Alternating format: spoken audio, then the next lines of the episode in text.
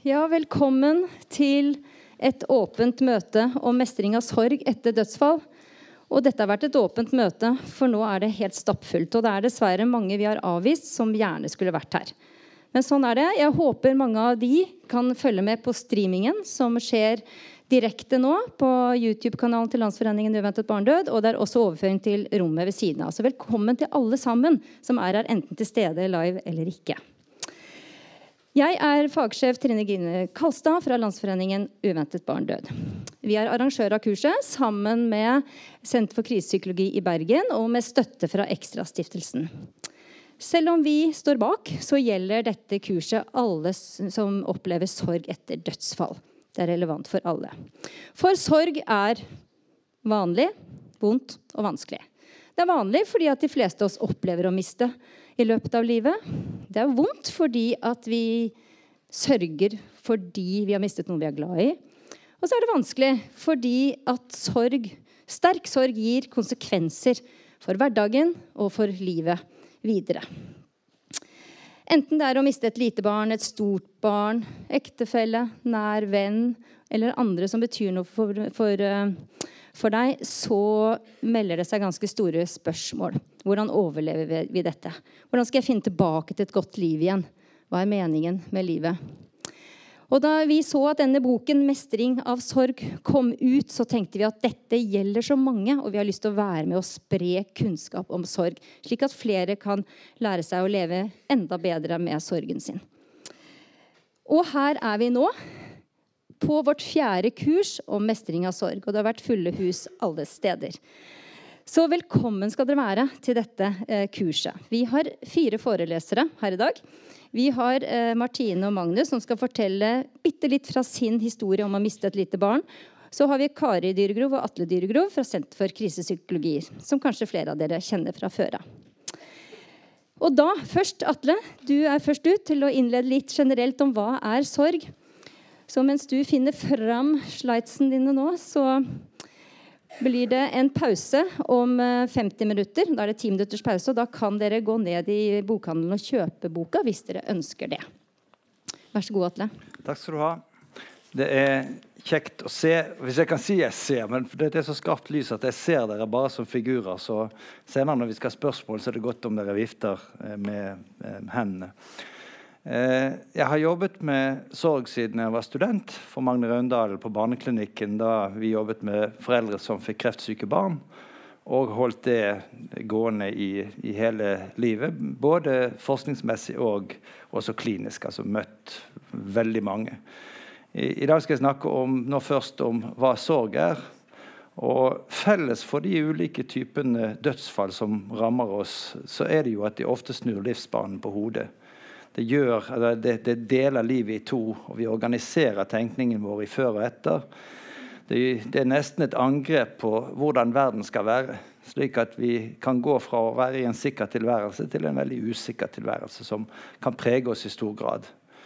Eh, og det er vanskelig å si akkurat hva sorg er. Sant? Det er eh, så masse, og det er mer enn bare det som er de psykologiske aspektene, som jeg selvfølgelig som psykolog ofte tenker på. Det griper inn i alle livssfærer. Det påvirker våre sosiale kontakter. Det påvirker hva vi har av tro og mening og spirituelle aspekter. Det påvirker kroppen vår. Jeg skal si litt mer om det. Det påvirker psyken vår. Slik at det er på mange måter en, en livsinngripende situasjon. Eh, som for mange eh, vil være slik at det går videre, og så, så, gradvis vil det endre seg. For noen så blir det mer komplisert. Eh, i, jeg jobbet mye med en stor katastrofe for en del år siden i Göteborg, hvor 63 ungdommer brant inne. Det var en påsatt brann. Og Da var det en far som sa at sorg det er å få omdefinert fremtiden. Og det syns jeg var en kjempegodt sagt. fordi jeg er jo vant til å tenke på hendelser at vi bruker veldig mye energi på å tenke på hva som har vært. Og skjer det på en traumatisk måte, som mange dødsfall skjer, så eh, har vi hørt om flashbacks. Sant? Og det å tenke tilbake i tid. og vi, vi, har da bilder og minner som kommer opp. Men det er færre som er forberedt på flash forwards. Dette at vi ofte da sorgen definerer fremtiden. Det er alt som skulle bli, som ikke blir. Eh, og det er også den frykten for den fremtiden hvor vi kan lage oss fantasier om hva som kan komme, som plager oss, og som gjør at vi går rundt med forventninger og, om å bli truffet av lyn en gang til. Eh, så er det også sånn at sorgens kvaliteter er forskjellige. Det er sorg som er til stede uten å dominere, som er der, og som over, altså, til å begynne med dominerer den. Den helt første tiden dominerer den nesten for alle. Men så kan den tre litt i bakgrunnen. Men for noen så fortsetter den å dominere. Den går over til å bli komplisert. Vi kommer ikke til å snakke så veldig mye om komplisert sorg, men det er viktig å vite om det, at sorg kan ha relativt store helsekonsekvenser. Og vi tror at de helsekonsekvensene kommer hos de som går inn i kompliserte eh, sorgforløp. Da. Det er også sånn at eh, sorgen, den eh, ja, Nå har jeg glemt å bla frem. Det har ikke jeg gjort der, men det, der, der, står den. Jeg ser det, men dere så det ikke, for jeg ser neste bilde. Dette har jeg snakket til. Eh, men jeg sa også at den har sosiale konsekvenser. Og nesten alle som vi treffer i sorg, som, som, vi har møtt, de vil også kunne si at den er ikke så, alltid så lett med, med, nettverket. De fleste opplever støtte fra nettverket, og noen har en støtte som varer ved over tid. Men svært mange opplever at det er veldig stor interesse fra andre til å begynne med. Oppmerksomhet er riktigere å si. Det er mange som stiller opp. Det er de som kommer med praktisk hjelp, det er de som gir emosjonell støtte. Eh, men så forvitrer dette. Så går det noen uker, og når det går noen måneder, så kan du si at tiden for de som har mistet, den er jo delt i to. Men det er akkurat som det skjedde i går, og samtidig en evighet siden.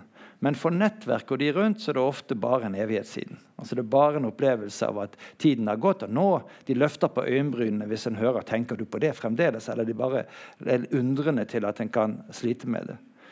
Eh, og Dette er jo felles for både den omtenksomhet og oppmerksomhet vi får fra familien, fra venner, men òg ofte fra helsevesenet. Kriseteam, når de blir involvert, når det er plutselig dødsfall, ja, så er de inne til å begynne med. Og så skal det bare gå gjennom det vanlige apparatet. Slik at det er et misforhold mellom den oppmerksomhet vi får, og når vi trenger den. Vi får veldig mye av denne til å begynne med, og så går det ned underveis. Mens faktisk det å ta inn virkeligheten og det som har skjedd, det at det uvirkelige blir virkelig, det er noe som da gradvis går opp for oss. Selv sykdom. Det er veldig få som er helt forberedt på at sykdomsdødsfallet kommer akkurat når det kommer. Og kan fortelle om den samme uvirkeligheten da også. Eh, og Dette er jo noe som Kari vil snakke mer om også. det er Hvordan kan en forsøke å redusere og øke mulighetene for nettverket til å gi støtte. Så er det et annet forhold, og det er jo at sorg veldig ofte også innebærer traumer.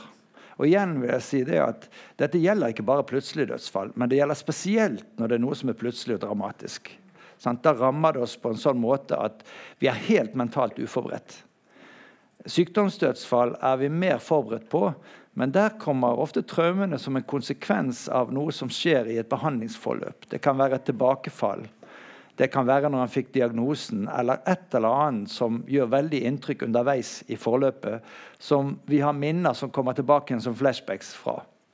Eh, hvis du er også da f.eks. For foreldre til et barn som blir veldig sykt, så er det en relativt høy grad av posttraumatiske plager. Det vil si, jeg skal si litt mer om hva kjernen i det men da er det ofte disse minnene som er plagsomme, eller at vi er urolige og redd for at noe nytt skal skje.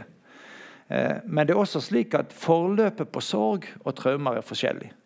Når, det, når, vi opplever et traume og har veldig påtrengende minner fra en hendelse, fra å få presten på døren Nå skjer det ofte gjennom på andre måter i dag enn det gjorde for noen år tilbake. igjen, Eller vi får, vi, når vi får beskjeden, eller vi er til stede når noe skjer, eh, så er, er, det veldig klart at dette gir opphav til, til eh, eh, minnesbilder. Men tidsforløpet der er ofte slik at i løpet av den første måneden så vil mange av disse reaksjonene kunne dempe seg av av seg selv.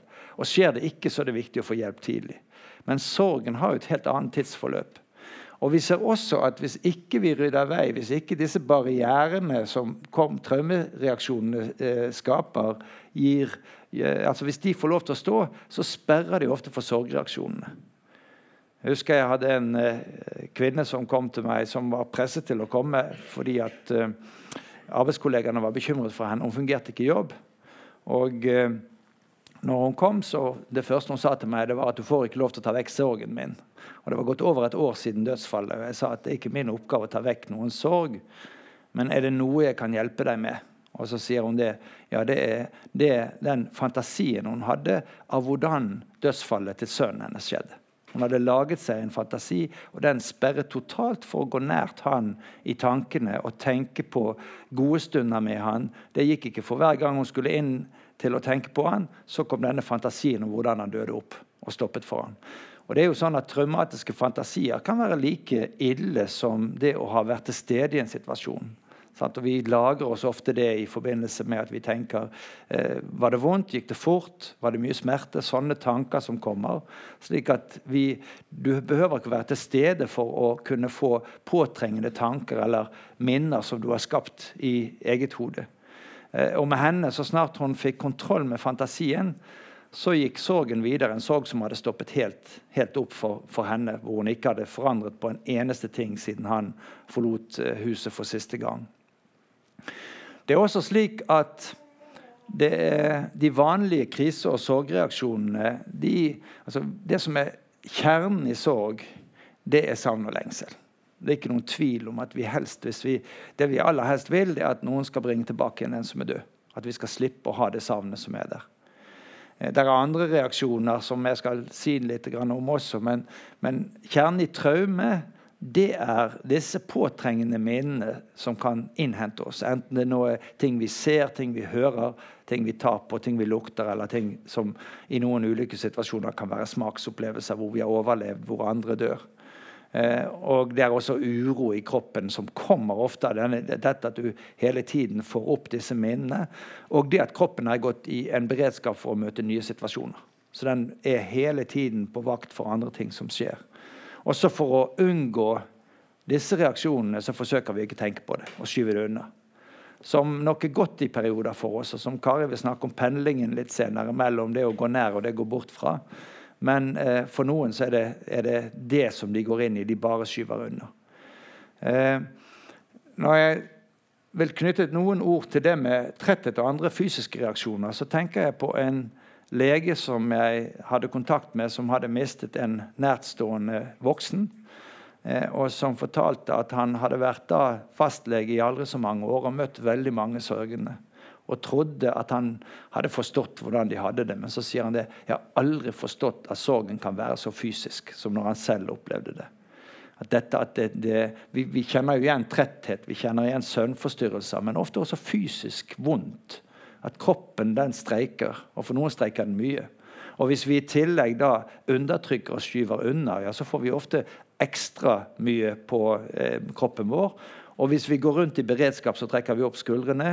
Da strammer vi muskler, og så får vi hodeplager, eh, muskel-skjelettplager, og en del får også migrene. Så det er mye fysisk inn i sorg. Og som jeg har sagt, kontakt mot andre kan være vanskelig. Og så har vi jo fellesreaksjoner som egentlig er stressreaksjoner. Sånn det er mye av det som kommer. Jeg satt med en, eh, en, jente tidligere i dag hvor vi snakket om konsentrasjons- og hukommelsesvansker.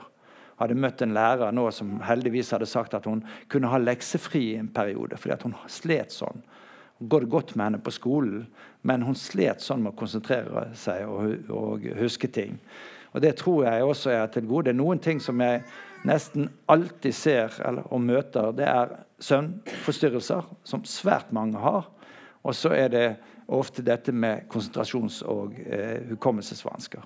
Og så Litt varierende med type situasjon og hvordan dødsfallet har skjedd, så får du skyld og selvbebreidelser. Men selv der hvor det er helt åpenbart at det ikke er grunn til å tenke at dette har jeg skyld i, så kan en gå rundt og kjenne på selvbebreidelser og skyldfølelser. Jeg fikk ikke tatt ordentlig farvel. Jeg fikk aldri sagt hvor, hvor glad jeg var i vedkommende. Det finnes alltid en grobunn for det.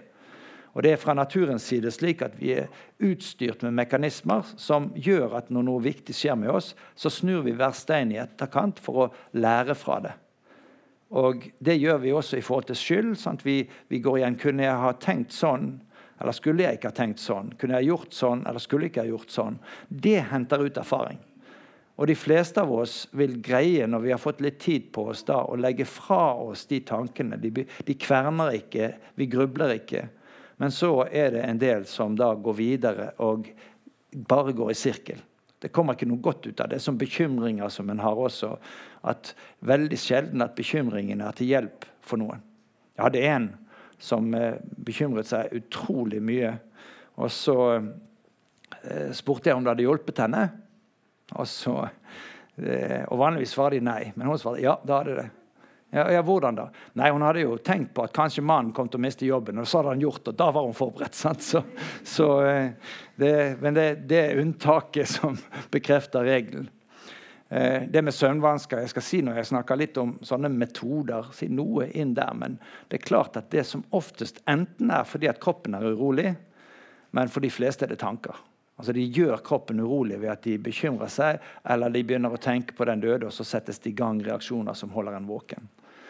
Eh, og så er det jo det som Kari kommer inn på, og jeg kommer inn på det på helt på slutten hvis jeg får tid, men at disse hendelsene også påvirker hvordan vi tenker om oss selv og omverdenen. Og mange gjør et sprang hvor de sier at det var helt meningsløst det, det skjedde, som skjedde. Men det har kommet noen ting som jeg greier nå å se at jeg blåser mening inn i det meningsløse ved det. Når det gjelder normal og komplisert sorg eh, Jeg ble oppringt fra NRK i dag som ville ha en uttalelse om hva dette med, med, forlenget sorglidelse var, som er kommet inn som en diagnose. Og han, eh, Det er alltid sånn arbeid, fordi at når de skriver det ut, så må du skrive om igjen det som de har spurt deg om, fordi at de får ikke helt med seg poengene. Men det, det er en annen sak. Men det veldig, fordi at dette er kommet inn som en diagnose, det er ikke tatt i bruk i Norge ennå, men det er kommet inn i diagnostiske systemet, hvor det som kalles forlenget sorglidelse, det er blitt en, en diagnose.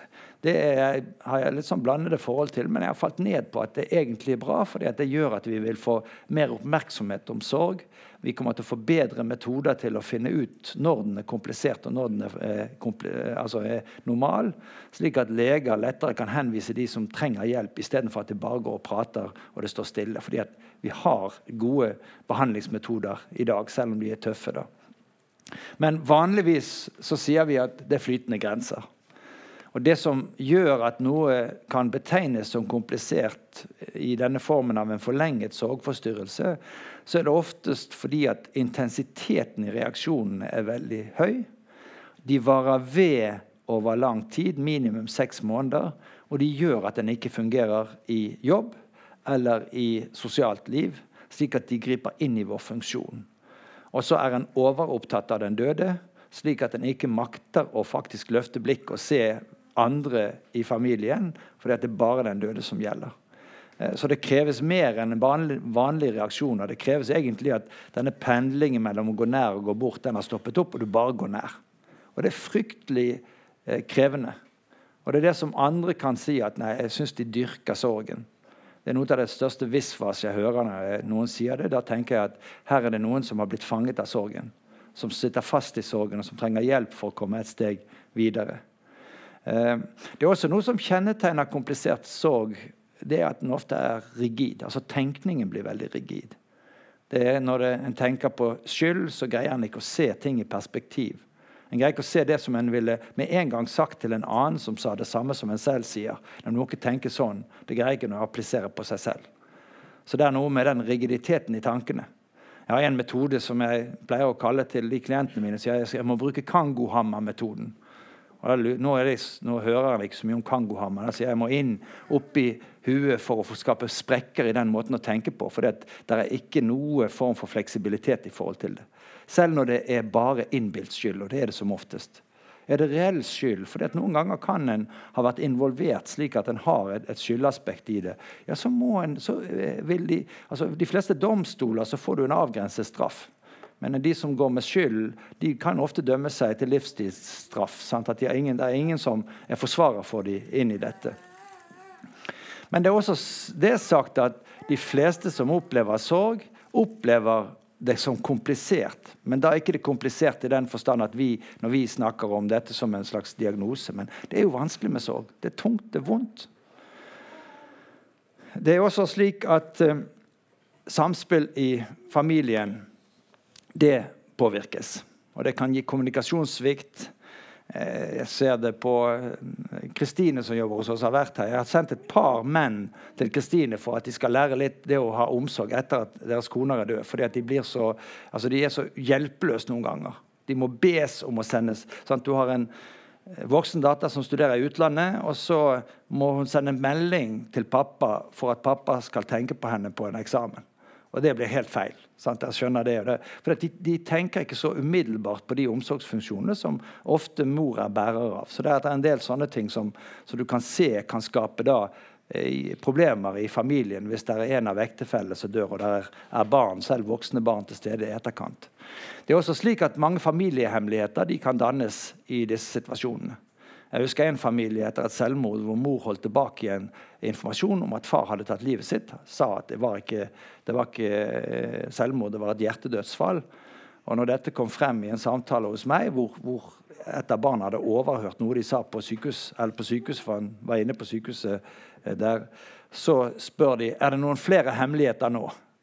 Sant? Og det var det også. Sånn, men, men noen situasjoner så blir dette kanskje det som gjør sorgen så komplisert at en evner ikke å snakke om det som skjer der.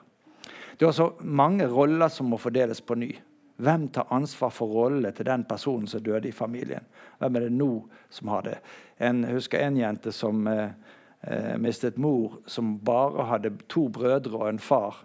Og de mennene, Det var hun som måtte ta på seg alt. Skulle de være samlet som familie, så måtte hun ta ansvar for det.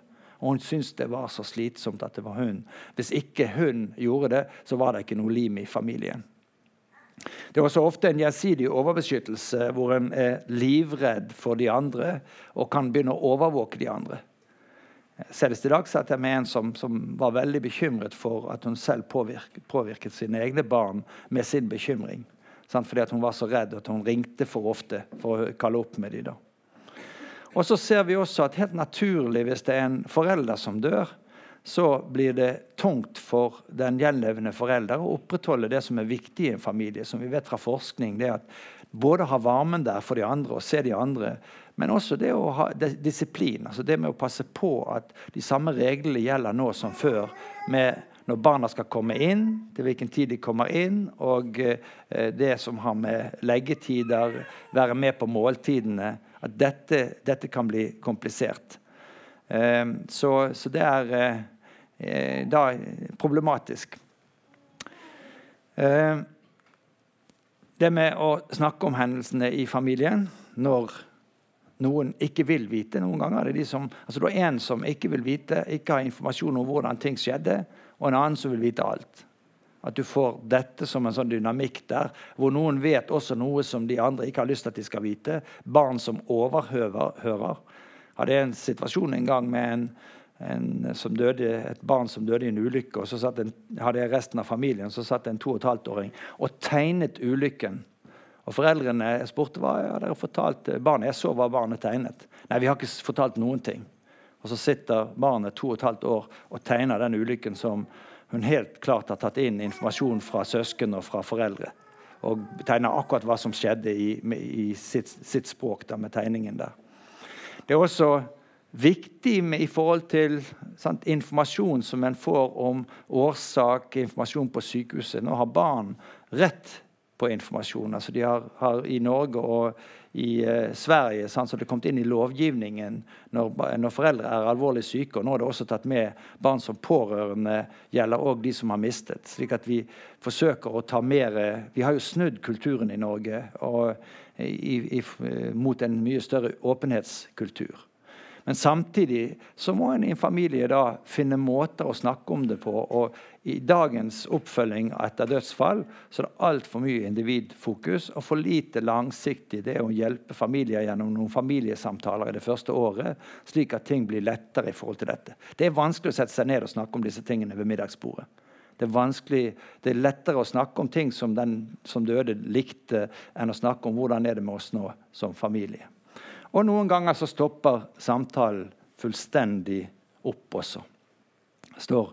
Men det kan være av forskjellige grunner. Jeg har listet opp noen av de her. Jeg håper at de som er i det andre rommet, ser det som står der. For jeg, jeg leser ikke opp bildene. Men, eh, men sant, der, er, der, er, ulike ting som kan komme inn og gjøre at en ikke greier den samtalen som, eh, som er der i familien. Til slutt vil jeg si to ting, eller to bilder. Eh, det ene er at det er viktig å vite at det er ikke normal sorg. eller Som, som Kari sa, dette egentlig er en sånn måte, altså kriterier for når en bør søke hjelp. Eh, det er det som er listet opp her. Men det er, det er veldig lett når noen, noen, sliter, at en kan tenke på det. Ja, men det er sorg, sånn som sorg er. Men som jeg sa, hvis minner og tanker, fantasier, fortsetter å plage en utover den første måneden, daglig i stor grad, så bør en få hjelp med det. Og det er gode metoder for å få hjelp med det. Det var ikke det når jeg startet på 1980-tallet, men i dag har vi det. Eh, det er også sånn med selvbebreidelser og skyld at hvis det hjelper ikke å bare si du må ikke tenke sånn hvis det virkelig låser seg fast. Da trenger du faktisk kyndig hjelp utenfra for å komme litt videre. Og Det er ikke alltid vi lykkes med det, men mange ganger kan vi lykkes med det. Det er også over mer mot depresjon enn mot sorg når noen kjenner seg helt verdiløs som person i etterkant. Og Det er lettere å gjøre hvis en også i barndommen har slitt mye med mobbing eller andre ting, hvor en har følt at en har hatt mindre verdi enn andre. at Kommer det et dødsfall, så forverrer det den type eh, plager. da. Det er heller ikke normalt sorg når det er en stor og nesten overhengende sånn opplevelse av at det kan skje en ny katastrofe. Når han går og venter hele tiden på hva, hva annet kommer til å skje. Det ser du mer hvis du har opplevd to-tre hendelser i løpet av få år som har nesten sensitivisert deg og gjort at du blir så redd for at det skal skje noe nytt. Eh, og så har du det med funksjon, som jeg har nevnt allerede. Det er jo et godt tegn til oss. Når det er små barn i sorg, så sier jeg at hvis barna ikke sover, så er det et tegn til oss på at kanskje det er et eller annet her som vi er nødt til å gripe fatt i. Eh, grubling har jeg snakket om også. Og så har du de som nesten går til bunns. Eh, fordi at de er fylt av sånn sinne. Det er sinne mot den de holder ansvarlig, og det tar opp all plass. Og har du én sånn person i familien, de andre ikke har det samme, så sliter familien ofte. Det er noe som er eh, veldig tungt å leve med i en familie. Er noen som går rundt og er konstant eksplosive i familien. Da, da eh, er jeg fremme til der som noen andre skal overta fra meg. Da skal jeg bare vippe opp den presentasjonen så den kommer opp.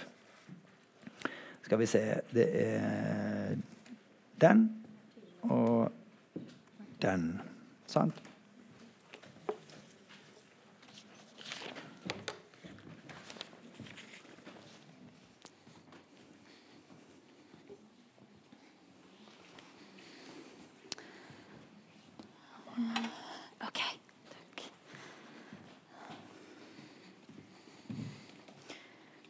I dag skal vi fortelle vår historie om en gutt som skulle forandre livet vårt på flere nivåer enn vi noensinne kunne tenke oss.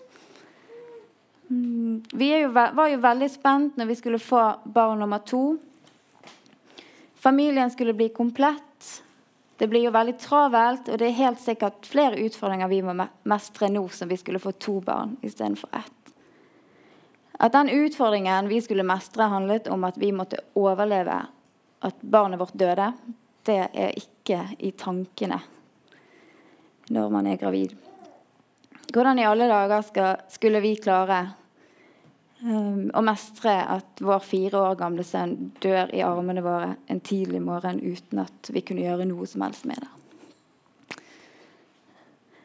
Uh, Leander er vårt andre barn. Han ble født 8.4.2014.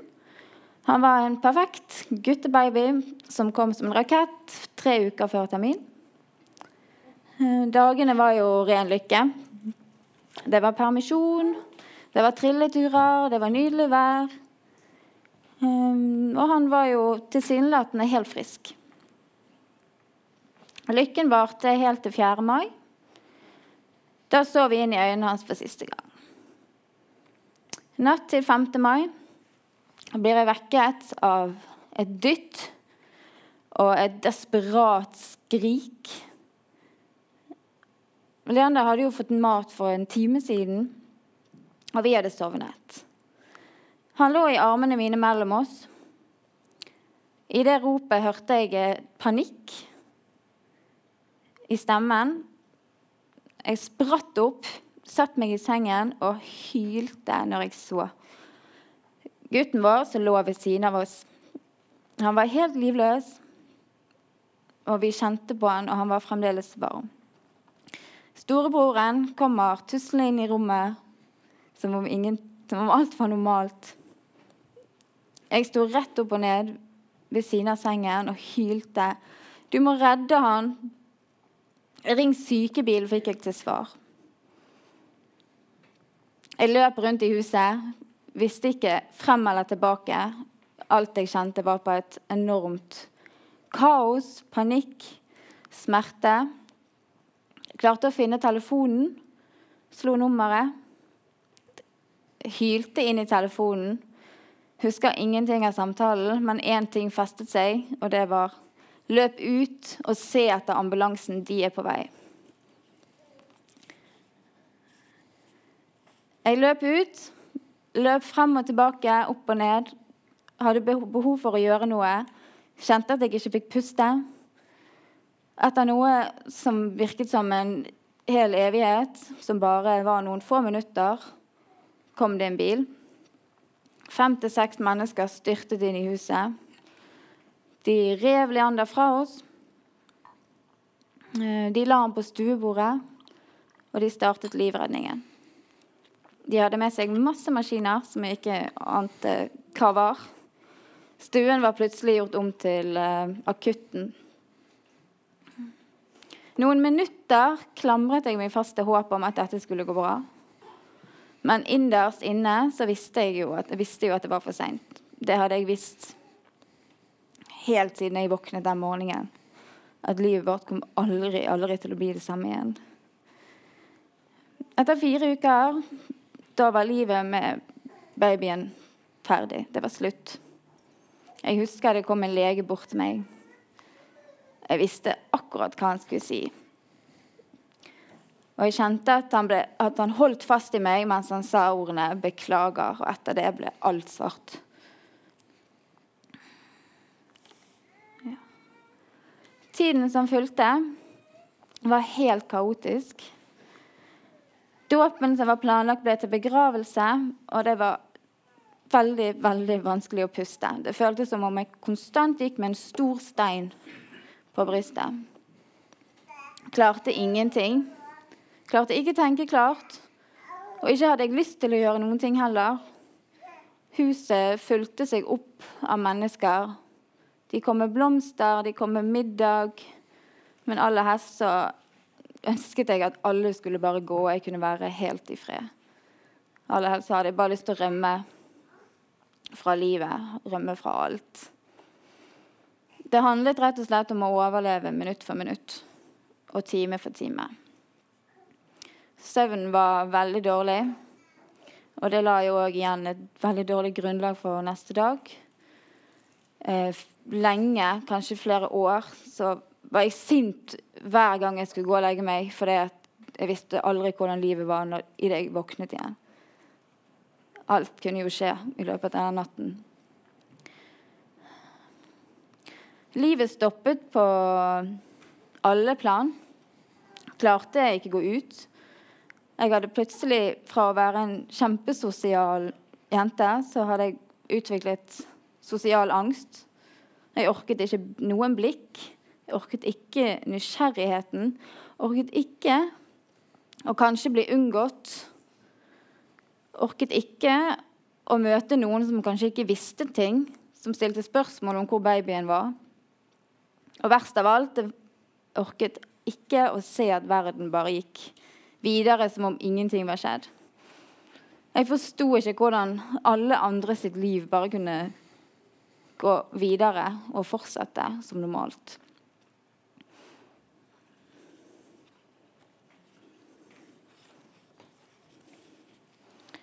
Jeg kunne sitte i timevis og tenke, analysere og gruble på hvorfor jeg av alle personer fortjente å miste barnet mitt. Og det var de som oppriktig ønsket å lytte til meg. Det var de som fikk uh, slippe til. Ingen andre mennesker eksisterte for meg. Jeg dominerte sikkert alle samtaler. Og det tok lang tid før jeg tenkte på andre. Ja. Og spurte hva, hvordan andre hadde det oppi dette. Jeg så bare meg sjøl og barnet mitt som var borte. Dette har gjort at mange relasjoner har blitt oppløst. Jeg hadde store problemer med å gå ut blant folk. Og jeg følte at sorgen sto skrevet i pannen min. Jeg følte at alle kunne se, kunne se det på meg at jeg hadde mistet barnet mitt. Som nevnt så hadde jeg et sterkt behov for å prate og bli lyttet til. Etter lang tid hos psykolog kom det til et punkt der det måtte skje en endring. Jeg ble helt sjokkert. Jeg forsto jo selv at jeg trengte å komme et steg videre, men det var jo veldig trygt der jeg var. Og jeg var så sliten og medtatt du orket jo egentlig ingenting. Orket ikke kjempe for at livet skulle gå videre, for jeg forsto ikke hvordan det skulle gå an. Hvordan i alle dager skulle jeg klare å gjøre ting igjen?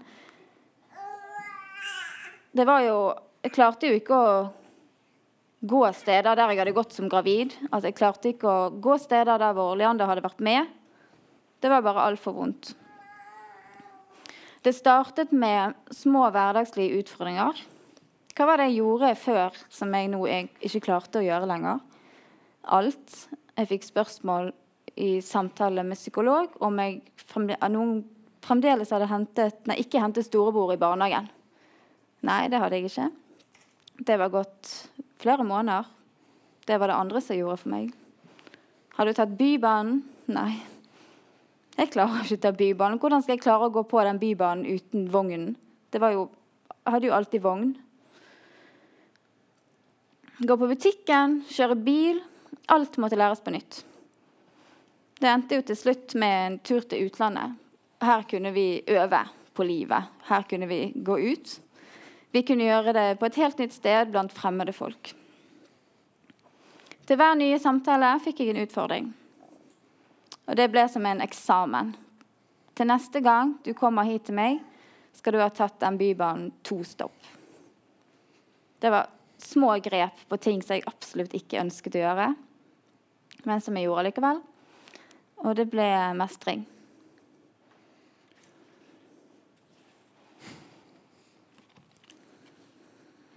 For min del så var det det at eh, når Martine var så utrolig langt nede som det hun var, så følte jeg at jeg var den som var nødt til å ta steget fram. Være den som sikret det at uh, alle disse små, ubetydelige hverdagstingene faktisk blir gjort. Det at det blir handlet inn mat, at regninger blir betalt, sånn at man har et sted å bo, at kjøleskapet er fullt. I tillegg så hadde jo vi Elias som var tre år. Og han, Det var veldig viktig for oss at han skulle ha en mest mulig normal hverdag. At han skulle føle seg trygg og sett, selv om det at mamma og pappa var så utrolig langt nede og så dypt inne i sorgen sin. Til å begynne med så fikk vi hjelp. For det, selv for meg det å gå og levere og hente i barnehagen det var tøft til slutt så ble det rett og slett en del av den daglige rutinen jeg hadde de første månedene. Det å stå opp, kle på oss, gi Elias frokost, gå og levere og hente i barnehagen. Og så sikre det at vi to klarte å få noe mat i kroppen. Og det var nok. Det holdt. Det var ikke energi til noe mer enn det. Så er det noe med det at rutine det gjør det at tiden, den går. Og det er litt sånn når du er i dyp sorg, så hører man ofte det at det blir bedre fra andre mennesker. At tiden leger. Men det er litt det at når du er i dyp sorg, så blir tid sånn et, et, helt abstrakt begrep for deg. Du står der, og du forstår ikke hvordan i morgen kan bli bedre. For du har det helt forferdelig i dag. Og det var enda jævligere i går. Og da er det vanskelig å se framover, rett og slett. Samtidig med det at tiden går, så kommer det visse forventninger fra andre mennesker. Om det er ens nærmeste eller venner eller hvem du skulle være, om at skal du ikke du snart begynne på jobb igjen? Og Det er liksom ikke det for min del når det spørsmålet kom. Det er ikke det at jeg ikke kan gå på jobb. Poenget, Problemet mitt var det at jeg ser ikke verdien i det. For rent fysisk så fungerer jo ikke helt greit. Hvorfor skal jeg gå ut døren og stå på jobb og være sosial med andre mennesker når jeg har nok med å levere ungene mine i barnehagen. Det holder.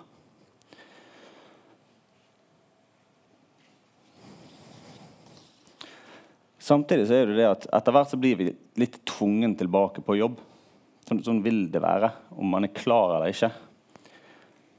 Og, for det er jo noe med det at vi må tross alt ha penger på kontoen for å leve, for å bo. Og det er viktig. For min del så kjente jeg rett og slett òg på det at etter en viss tid at jeg trengte noe mer enn å bare levere i barnehagen og gå hjem igjen og eksistere. Jeg er en person som er nødt til å gjøre ting. Jeg er ikke glad i å sitte i ro og ikke bruke tiden min til noe. Og jeg kjente på det at nå, nå trenger jeg et lite, et lite, avbrekk. Jeg husker fortsatt første gang jeg fortalte Martine at jeg vurderte å gå tilbake på jobb. Og det, det første jeg fikk høre da, var Skal du forlate meg her? Skal du gå fra meg? Og det er tøft å høre. Men det ble vist òg at vi var rett og slett på litt forskjellige steder i sorgen vår. Det er òg en samtale som vi måtte ha opptil flere ganger før jeg faktisk kunne begynne på jobb igjen. Både for min del og for hennes. Og når jeg først var tilbake i jobb, så er det litt sånn, det er vanskelig å skulle være på jobb og fungere blant andre mennesker. Hvor dette er bare det er noe som har skjedd i fortiden. For min del så ble det viktig at jeg klarte å legge sorgen min litt til side. Det at når jeg gikk inn døren på jobb, så var sorgen igjen på den andre siden. Sånn at jeg kunne gjøre det jeg skulle, og så kunne jeg gå hjem. Når jeg gikk hjem og gikk ut døren på jobb, så måtte jeg gjerne ha 5-10-15-20 minutter i bilen før jeg var klar til å faktisk vri om nøkkelen og kjøre hjem og være med familien min. For det tar på. Det å ikke skulle tenke på det eller være så opptatt med noe annet, det gjør deg sliten når du først har tid igjen.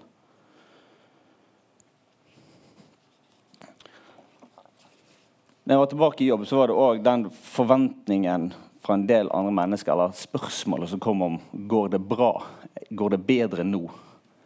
Eh, jeg merket det at det var noe som for vår del var utrolig tøft. Det var et veldig tøft spørsmål å få, for det går jo ikke bra. Det går kanskje bitte litt bedre, men det går ikke bra. Det går ikke fint. Det er ikke sånn ting bare på et eller annet magisk vis er bedre fordi at jeg har gått ut døren igjen. Og Da fikk vi faktisk et ganske bra svar fra psykologen vår, som var rett og slett det at nei, det går greit. Og For meg så ble det et standardsvar. Et standardsvar til mennesker som jeg rett og slett ikke var klar til å forklare hvordan jeg hadde det. For Det var rett og slett en, si, en antydning til at det går. Jeg er her, og jeg gjør dagligdagse ting, men jeg har det fortsatt ganske jævlig.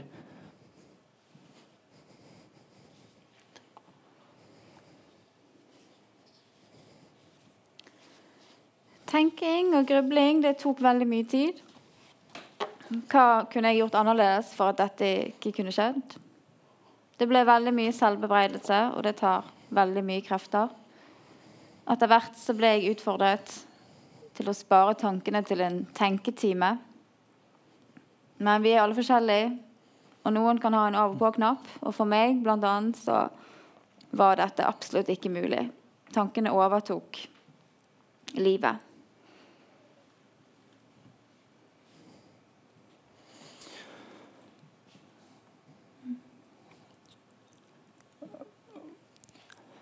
For min del så var det òg litt det at jeg, jeg, snakket om det det at jeg kom til et, et veiskille med det at nå, nå, må jeg faktisk gjøre noe, ellers så vet jeg ikke hva jeg skal gjøre av meg. Det at jeg, jeg er nødt til å bruke meg sjøl og kroppen og den lille energien jeg har fått tilbake til noe.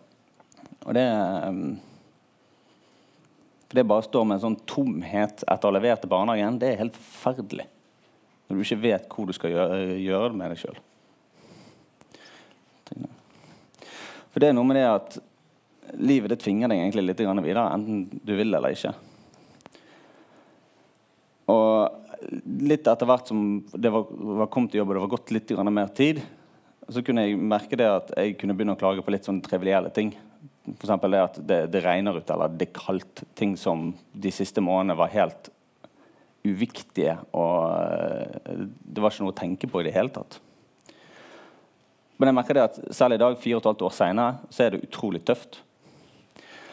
Selv om jeg er liksom den store stilletypen som ikke snakker så veldig høyt om alt hele tiden, så er det, har jeg det utrolig tungt. Og det å, etter å ha vært på jobb og vært sosial og snakket med mange og liksom holdt, si, holdt fortet på mange måter, selv om det har gått en stund Det å komme hjem og liksom slappe av og bli litt sårbar igjen, det er utrolig, utrolig Du blir utrolig sliten da. Det er for min del å faktisk ha de andre barna mine som faktisk trøster meg og passer på meg. Det er utrolig godt. Det å komme inn døren og få kos, det er den mest fantastiske følelsen som fins. Og det er liksom en viktig ting det at vi voksne vi er ikke alltid like flinke til å se det. For det å lage middag, få mat til ungene og rekke fotball, det blir så utrolig viktig. Men det er sånne helt trivielle ting som ikke har noe å si. Ta heller et lite minutt og ta vare på hverandre. Pust litt, la maten spise seg, og la ungene sitte sultne i et lite minutt. De går ingen steder.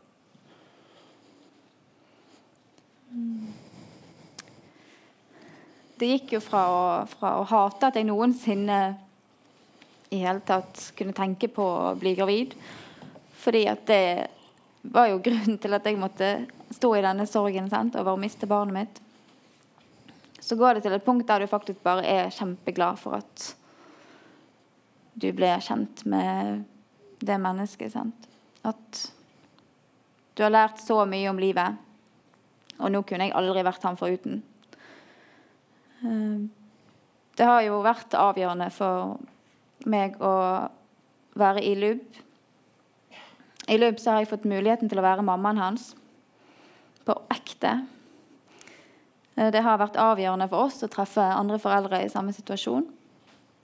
Og her har jo vi òg sett at med egne øyne at det blir jo Vi ser jo at det blir bedre. Noen har gått foran oss, veien før oss. Og vi ser jo da at det gir jo et håp om at det forhåpentligvis blir bedre for oss òg.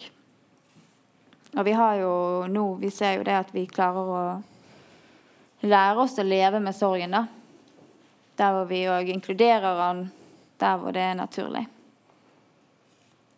Mm.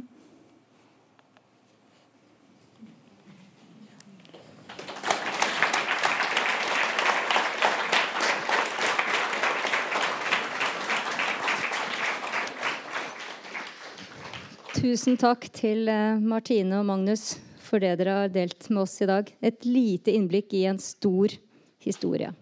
Nå er det ti minutters pause. Gå ut og trekk litt frisk luft. Om ikke helt ut, så i hvert fall litt ut, så vi får lufta litt på eh, eh lufta her inne. Da begynner vi på igjen, dere.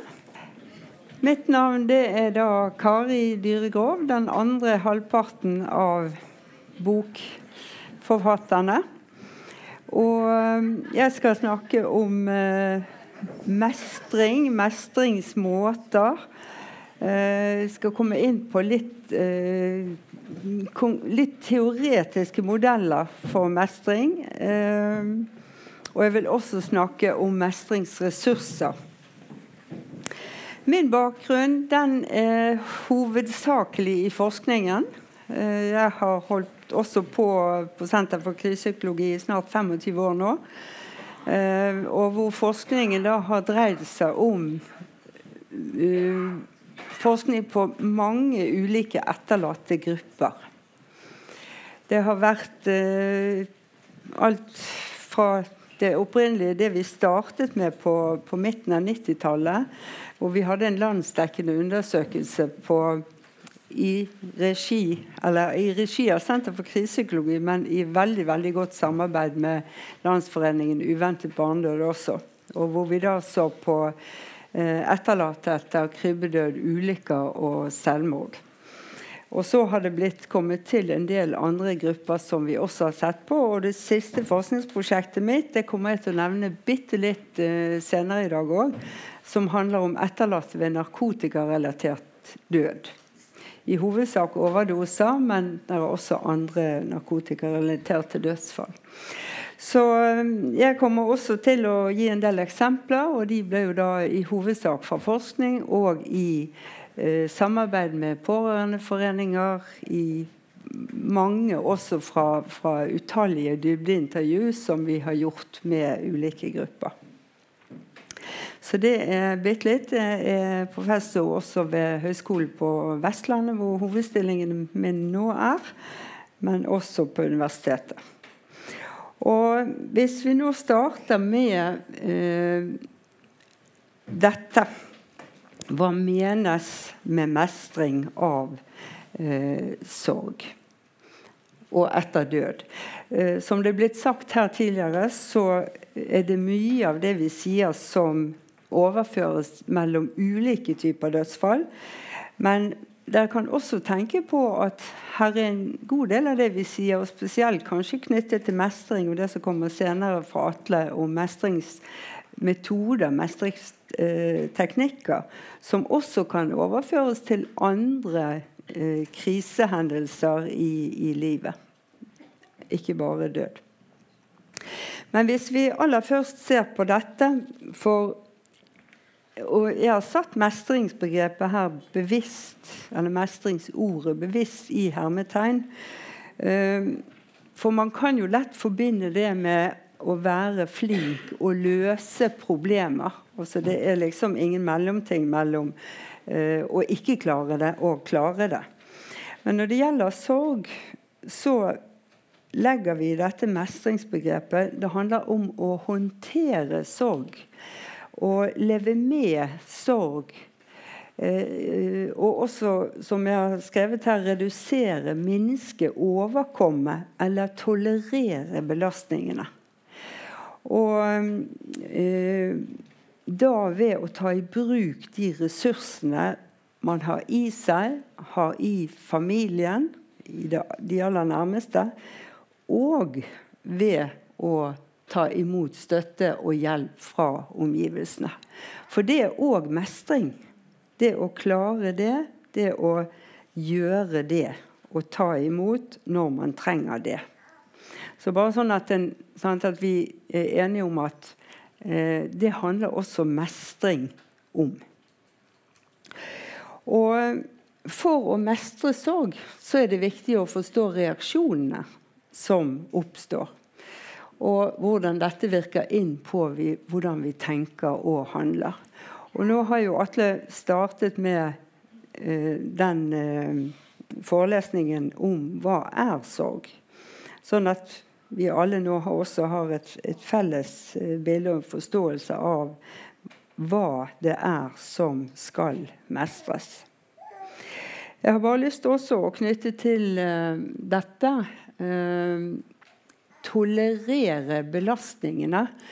Eh, det å mestre sorg det handler også veldig mye om å finne sitt eh, unike, individuelle toleransevindu for eh, emosjonell belastning.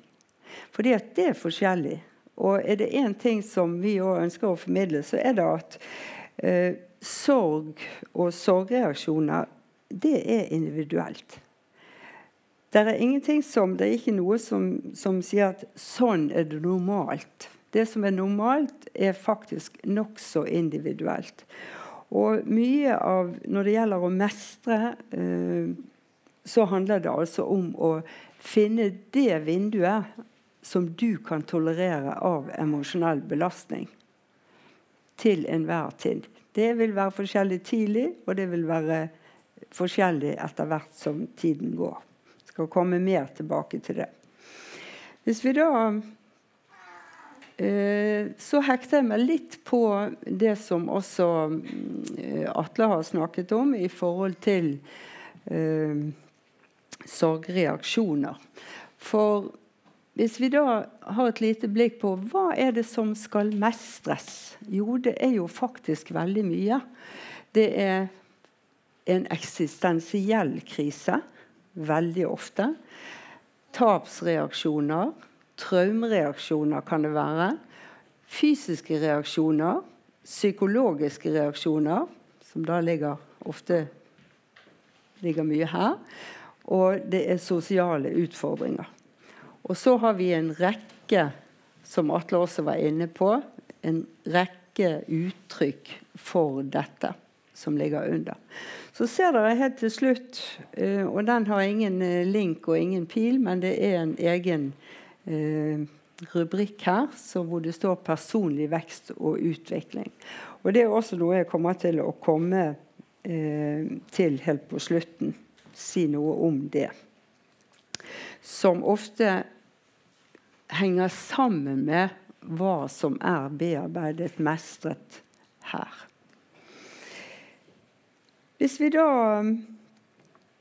eh, ser litt på, på eh, mestringsressurser, så er det noe vi alle skal være helt sikre på, og det er at vi alle har det.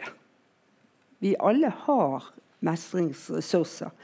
Og det er jo utrolig mange, eh, og ofte vi hører mange som sier at før jeg opplevde dette jeg har opplevd nå, så ville jeg tenkt at jeg ville aldri kunne tolerert. Jeg ville aldri kunnet uh, gå videre med denne type tap.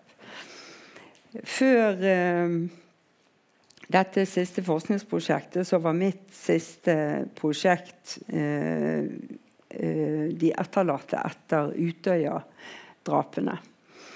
Og der er det mm, ofte jeg da hørte fra de nærmeste etterlatte at dette trodde ikke jeg var mulig å, å overleve. Og vi hørte jo også på Martine og Magnus eh, hvor de, hvordan de i starten nærmest eh, var i denne boblen, i dette vakuumet, hvor en ikke tenker at det er mulig. Det er ikke mulig å gå videre. Livet kan ikke gå videre. Men så gjør det det. Og så trekker vi opp, og vi har noe som blir brukt. Vi har iboende ressurser i oss som mennesker, og vi har mye egenmestring som gradvis kommer inn. En kan få hjelp til det, men en kan veldig mange også gradvis finner ut av disse tingene selv. Så har vi det vi kaller likepersonstøtte, som en veldig viktig eh, støtteform. Og det er jo nettopp det LUB står for. Altså Landsforeningen uventet barnedød. Andre etterlatte pårørendeorganisasjoner er LEVE, Landsforeningen for etterlatte ved selvmord. Vi har Landsforeningen mot stoffmisbruk. Vi har mange, vi har Kreftforeningen. Vi har mange eh, foreninger eh, som Eh, spiller på, legger til rette for likepersonstøtten. Altså andre i samme situasjon eller lignende situasjon som blir en støtte for eh, kommende sørgende. Og, og, her ligger, Jeg skal snakke litt spesielt om det på slutten, men her ligger en utrolig viktig bit også, som jeg syns dere også var innom Eh, Magnus og, og, Martine, som handler om håp. Sant? Det å se at noen har gått veien før, sa dere. Eh, det er også noe som gir håp. Altså Når en nyrammet treffer noen som har mistet for fire, fem, seks, ti år siden, og ser hvilken vei de har gått, og at det faktisk er mulig, så er det en utrolig viktig type støtte. Sosial nettverksstøtte og profesjonell hjelp. Når jeg gjennom årene i ulike forskningsprosjekt har spurt etterlatte hva er det som har hjulpet dere, så er det utrolig ofte at dette kommer opp. Altså alle disse tre. Selvfølgelig også den. Men alle disse tre. Og vi trenger alle tre former i vår sorgbearbeiding. Fordi at de gir ulike ting. Likepersonstøtten og nettverksstøtten og den profesjonelle hjelpen de fyller ulike behov. Uh, og en trenger kanskje dette i ulik grad til ulik tid. De ulike formene. Noe av uh, det som er sentralt i sorgbearbeiding og sorgmestring. Det er det som vi på, på å si på godt norsk, men det er det dessverre ikke. Eh, men det omtales veldig ofte som 'meaning making'. Og ordet sier jo ganske mye. Altså uh, det å skape mening. Det å skape, og her da, ny mening. Og i lys av det som har skjedd, i lys av dødsfallet. En alvorlig eh, livshendelse, livskrise. Og mye av denne meningsskapingen den skjer jo også som resultat. Den skjer jo ikke bare fordi at tiden går. Men den skjer fordi at en jobber intenst. Eh, en snur hver stein. En tenker Og av og til så omtales det som eh, grubling. Eh, og da i positiv forstand eller i negativ. For grubling kan også være en positiv eh, ting når det fører til at en tenker nytt gjennom denne grublingen. Altså en, en kommer noe videre gjennom eh, tenkningen. Og det som er med, med meningsskaping, det er jo hele denne prosessen. Og det handler om å eh, gi ny Omdefinere livet og gi livet en ny vei og en ny Det handler ikke om å finne mening med det som skjedde. Er dere med på den? Sånn at det er denne prosessen vi snakker om når vi snakker om meaning-making. Sant? Mening tapes. Mening søkes etter, letes intenst etter, og ny mening skapes. Sånn at det er prosessen som er viktig her. Ja. Så eh, skal jeg si litt om øh, noen meningsstrategier. Og dette er grupper. Sant? Dette er grupper av strategier som eh, vi finner og jeg har funnet det spesielt etter disse eh, brå, uventede dødsfallet. Men vi ser det i aller høyeste grad også ved andre typer død.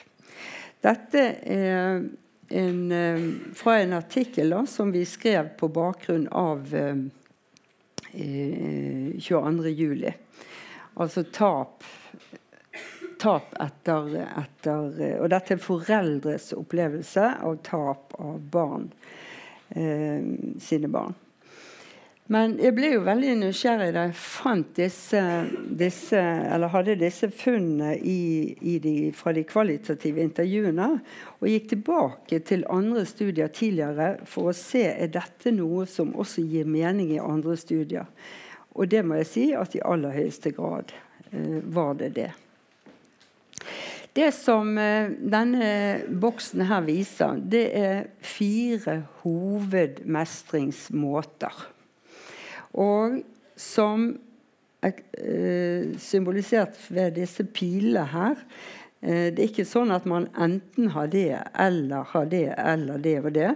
Men de fleste tar i bruk alle fire mestringsmåtene eh, i større eller mindre grad noen kan være mer ensidig på, på, på noen mestringsmåter.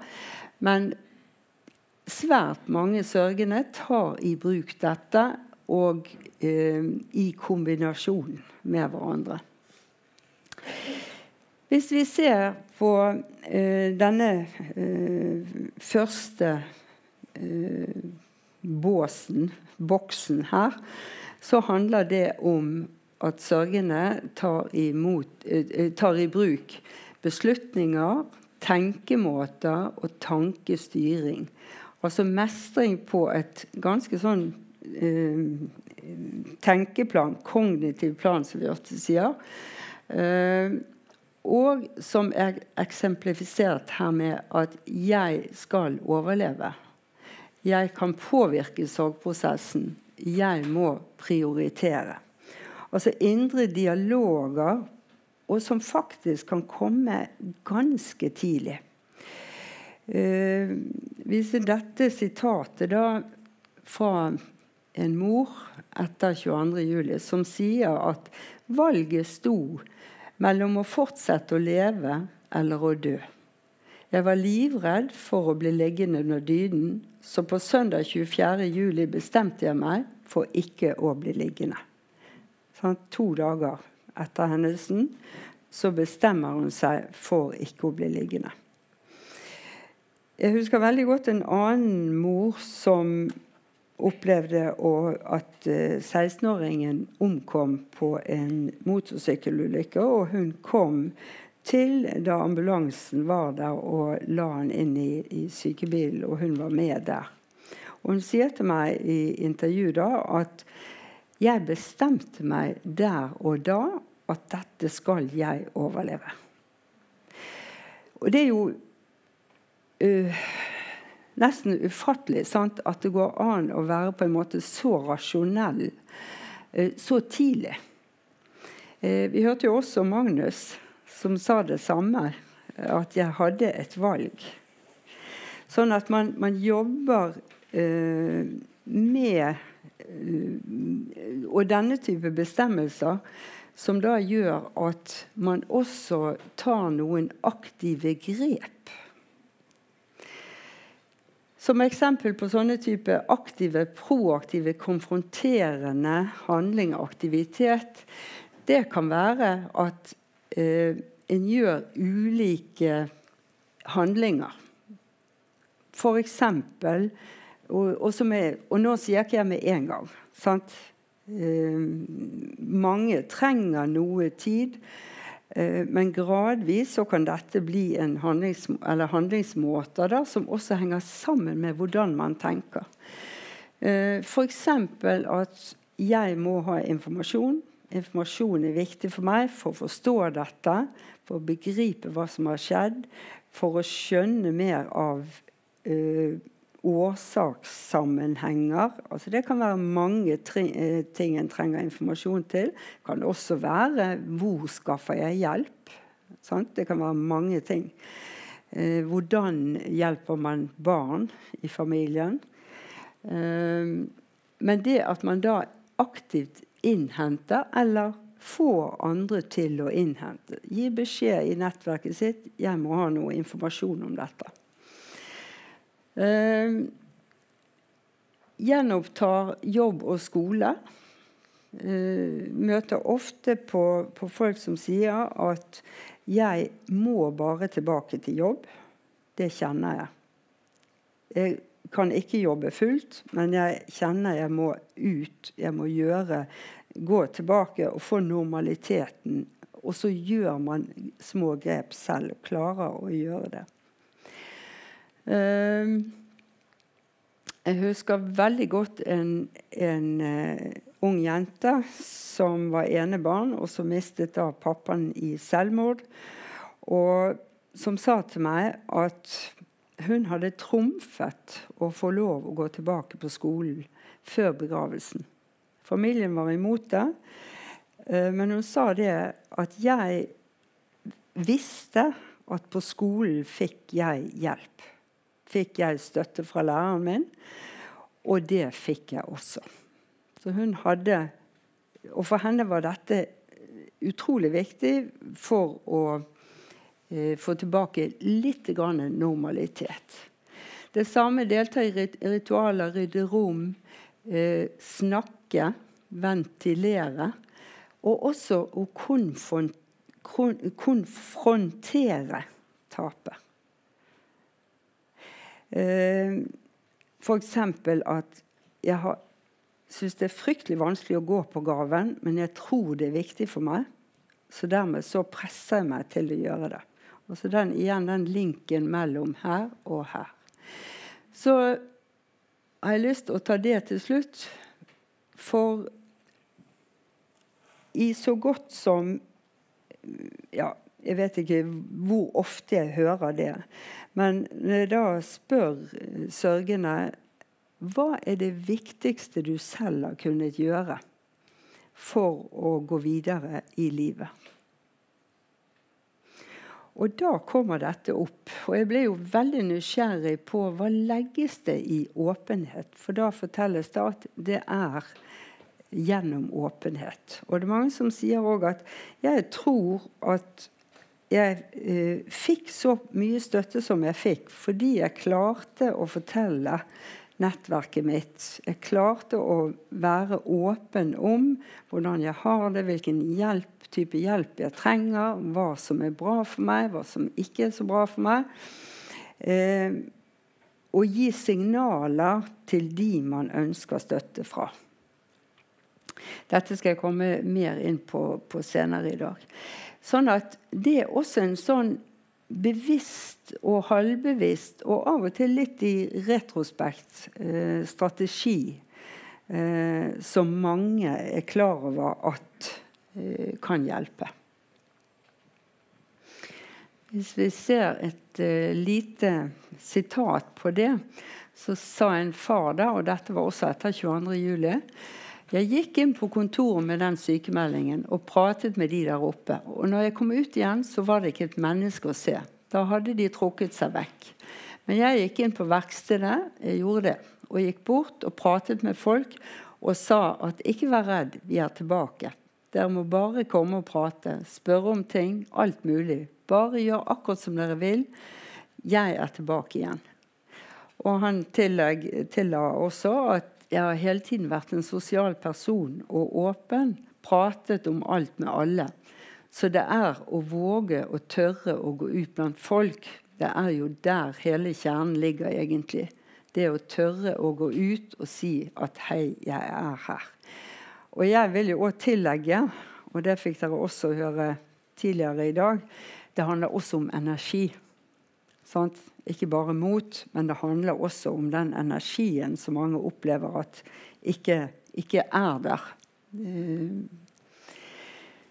hvis vi ser på, på en hovedmestringsmåte nummer tre Og det skal dere også merke dere, at det er også mestring.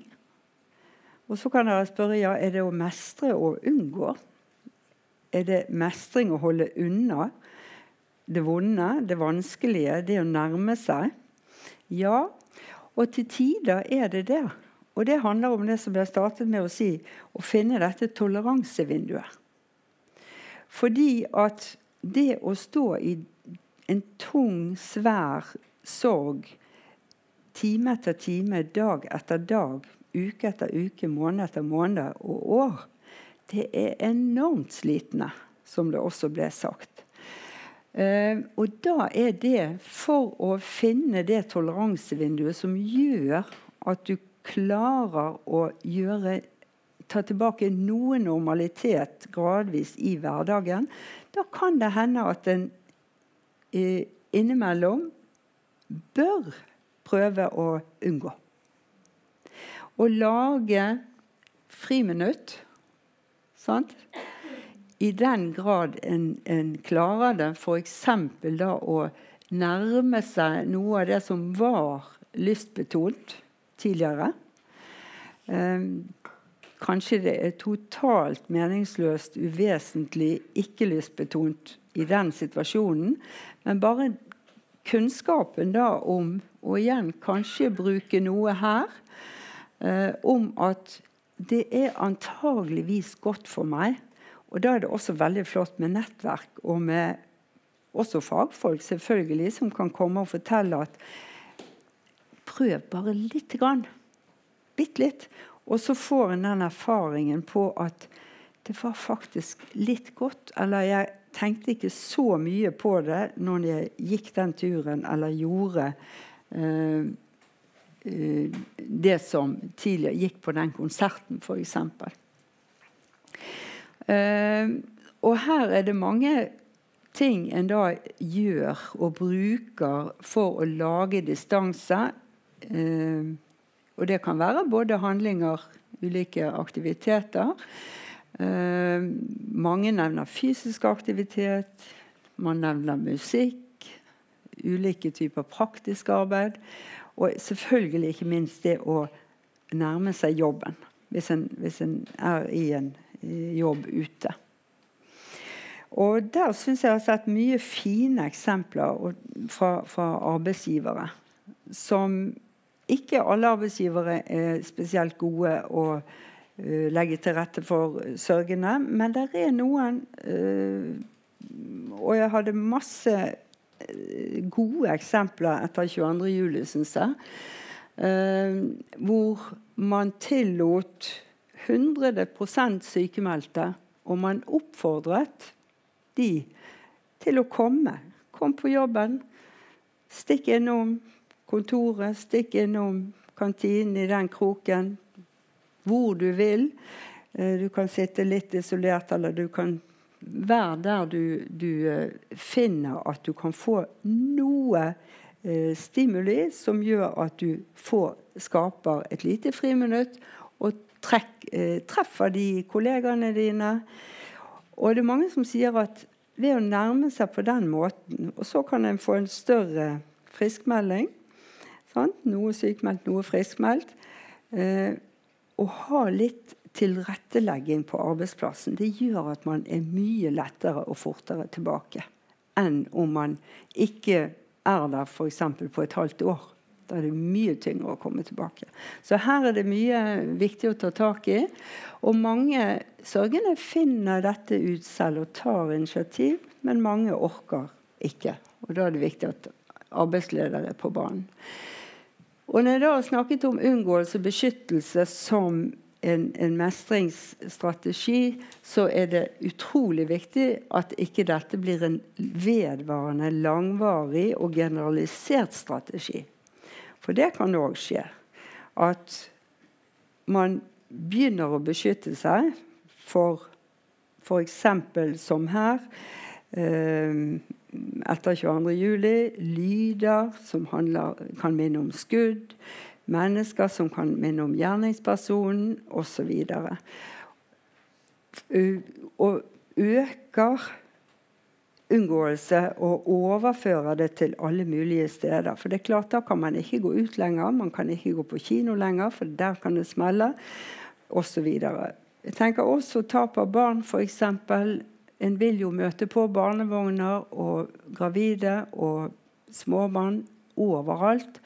Og hvis det blir et stort problem å møte andre, eh, så er det riktig igjen her å beskytte seg. Kanskje ikke nødvendigvis gå i barnehagen den helt første tiden, kanskje. Men så uh, må det skje en bevegelse. Hvis ikke så er det en problemstilling her som vi selvfølgelig uh, vil være veldig uheldig.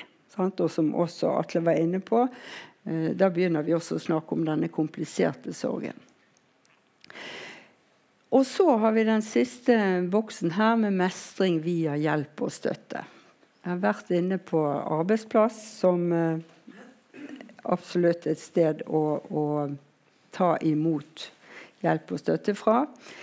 Eh, Av og til trengs profesjonelle og den yrkesgruppen som oftest har vært savnet i, i forskningsprosjektene av etterlatte, det har vært eh, psykolog. Eh, og familieterapeut. Altså noen som kan se på familien. Apropos det som Atle også vektla. Eh, og så likepersonstøtten og sosialt nettverk.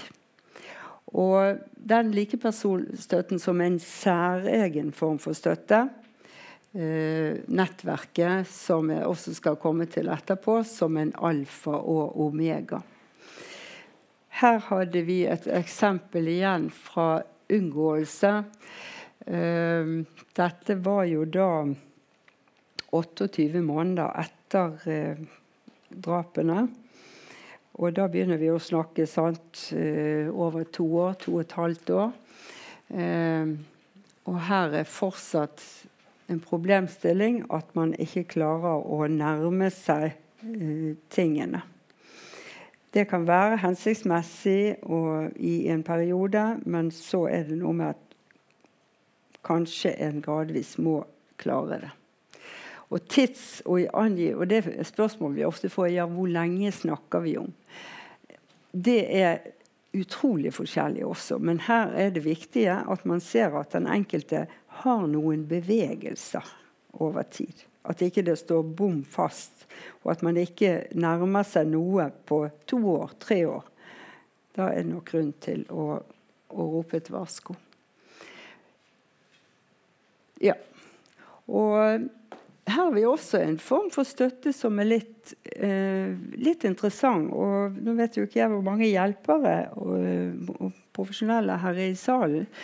Men dette å signalisere og virkelig gi den sørgende, de etterlatte, en tro og trygghet på at det er en livbøye til hjelpen. Det er veldig god hjelp. Sånn hjelp Altså det, si, Hvis man snakker i økonomispråket, så er det ofte en veldig billig hjelp. For den blir ofte ikke brukt, men den er veldig viktig å vite at er der. Og da må den være der på en sånn måte at det er hjelperne som tar initiativ. Det er ikke nok å gi en lapp med telefonnummer 'bare ring hvis det er noe'. Og Noe av det som ligger i, i, den eh, reviderte veilederen for oppfølging etter kriser, ulykker og katastrofer, det er jo nettopp denne proaktive hjelpen til eh, kriserammede. Alvorlig kriserammede. Fordi at man tar ikke kontakt selv. Jeg har eh, lyst å snakke litt om denne. Og Atle nevnte også eh, dette med å få pendle mellom å forholde seg til dødsfallet, forholde seg til tapet, være i det vonde, og det å orientere seg videre i livet. Prøve å ta eh, livet videre.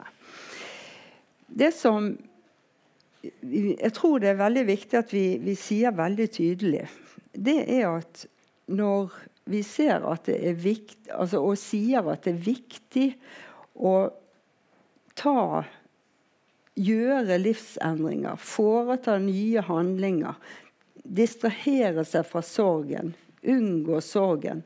Nye roller, identiteter. Så er det mange kanskje uh, som kjenner seg litt provosert. Ja, betyr det at vi på en måte skal glemme den døde? Gå bort fra? Det betyr det ikke. Det som er helt sentralt her, det er at en både skal ha lov til og skal ha den døde med seg i hjertet. Og en, det er viktig også å være her i sorgarbeidet. Kjenne på sorgen, kjenne på savnet. Parallelt med at en beveger seg over til den andre siden. Prøver å skape ny mening. Prøver å eh, ta nye roller. Av og til må en det, fordi at for eksempel, Og det blir veldig tydelig når det, når det handler om praktiske eh, gjøremål. Far i huset eller eh, et, et, voksent barn eller, som hadde veldig tydelige praktiske oppgaver som, som nå må tas over andre. Da blir det veldig tydelig. Eh, men det kan også handle om å gjenerobre roller. Eh, jeg husker godt en, en, kvinne som slet veldig med å ta tilbake troen på at hun kunne være en god mor eh, etter at sønnen hennes hadde tatt livet sitt. Og det at hun skulle kunne være en god mor for de gjenlevende barna, det slet hun veldig, veldig med. Sånn at Det er også noe med disse rollene. Uh, ny identitet, nye roller uh, og relasjoner som ligger her. Og det må veldig ofte jobbes med. Så hvis vi bare skal si noe litt generelt her, så syns jeg også at Martine og Magnus beskrev uh, dette veldig godt. Uh, Martine beskrev at hun var lenge her på tapsorienteringssiden. Uh, mens Magnus beskriver at han hadde behov for å komme tilbake til jobb igjen, og uh, kanskje noe tidligere. Og kanskje mindre behov for å snakke. Dette er veldig veldig vanlig å se som kjønnsforskjeller. nettopp sånn som det også ble beskrevet her, at kvinner ønsker å snakke mer, har behov for å snakke mer og bli lyttet til eh, i større grad enn de fleste menn. Kan, sånn, eh, litt grovt så pleier vi å si at 75% av kvinnene er mer her enn menn, og 75% av mennene er mer her enn kvinner.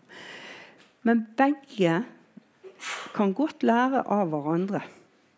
For det er det å bare styrte tilbake i jobb og prøve å legge lokk på, eller eh, som vi av og til hører, en veldig rasjonalitet Ja, det nytter jo likevel ikke å tenke på den døde, vi får han ikke tilbake.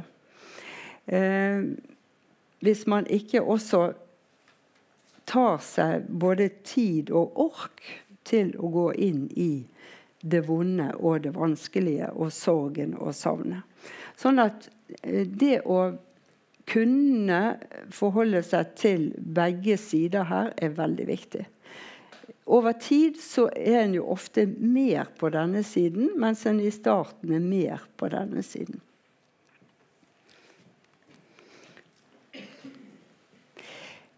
Jeg har bare lyst til å ta dette sitatet fra en mor um, igjen fra Utøya, og som, som viser uh, ulike mestringsmåter.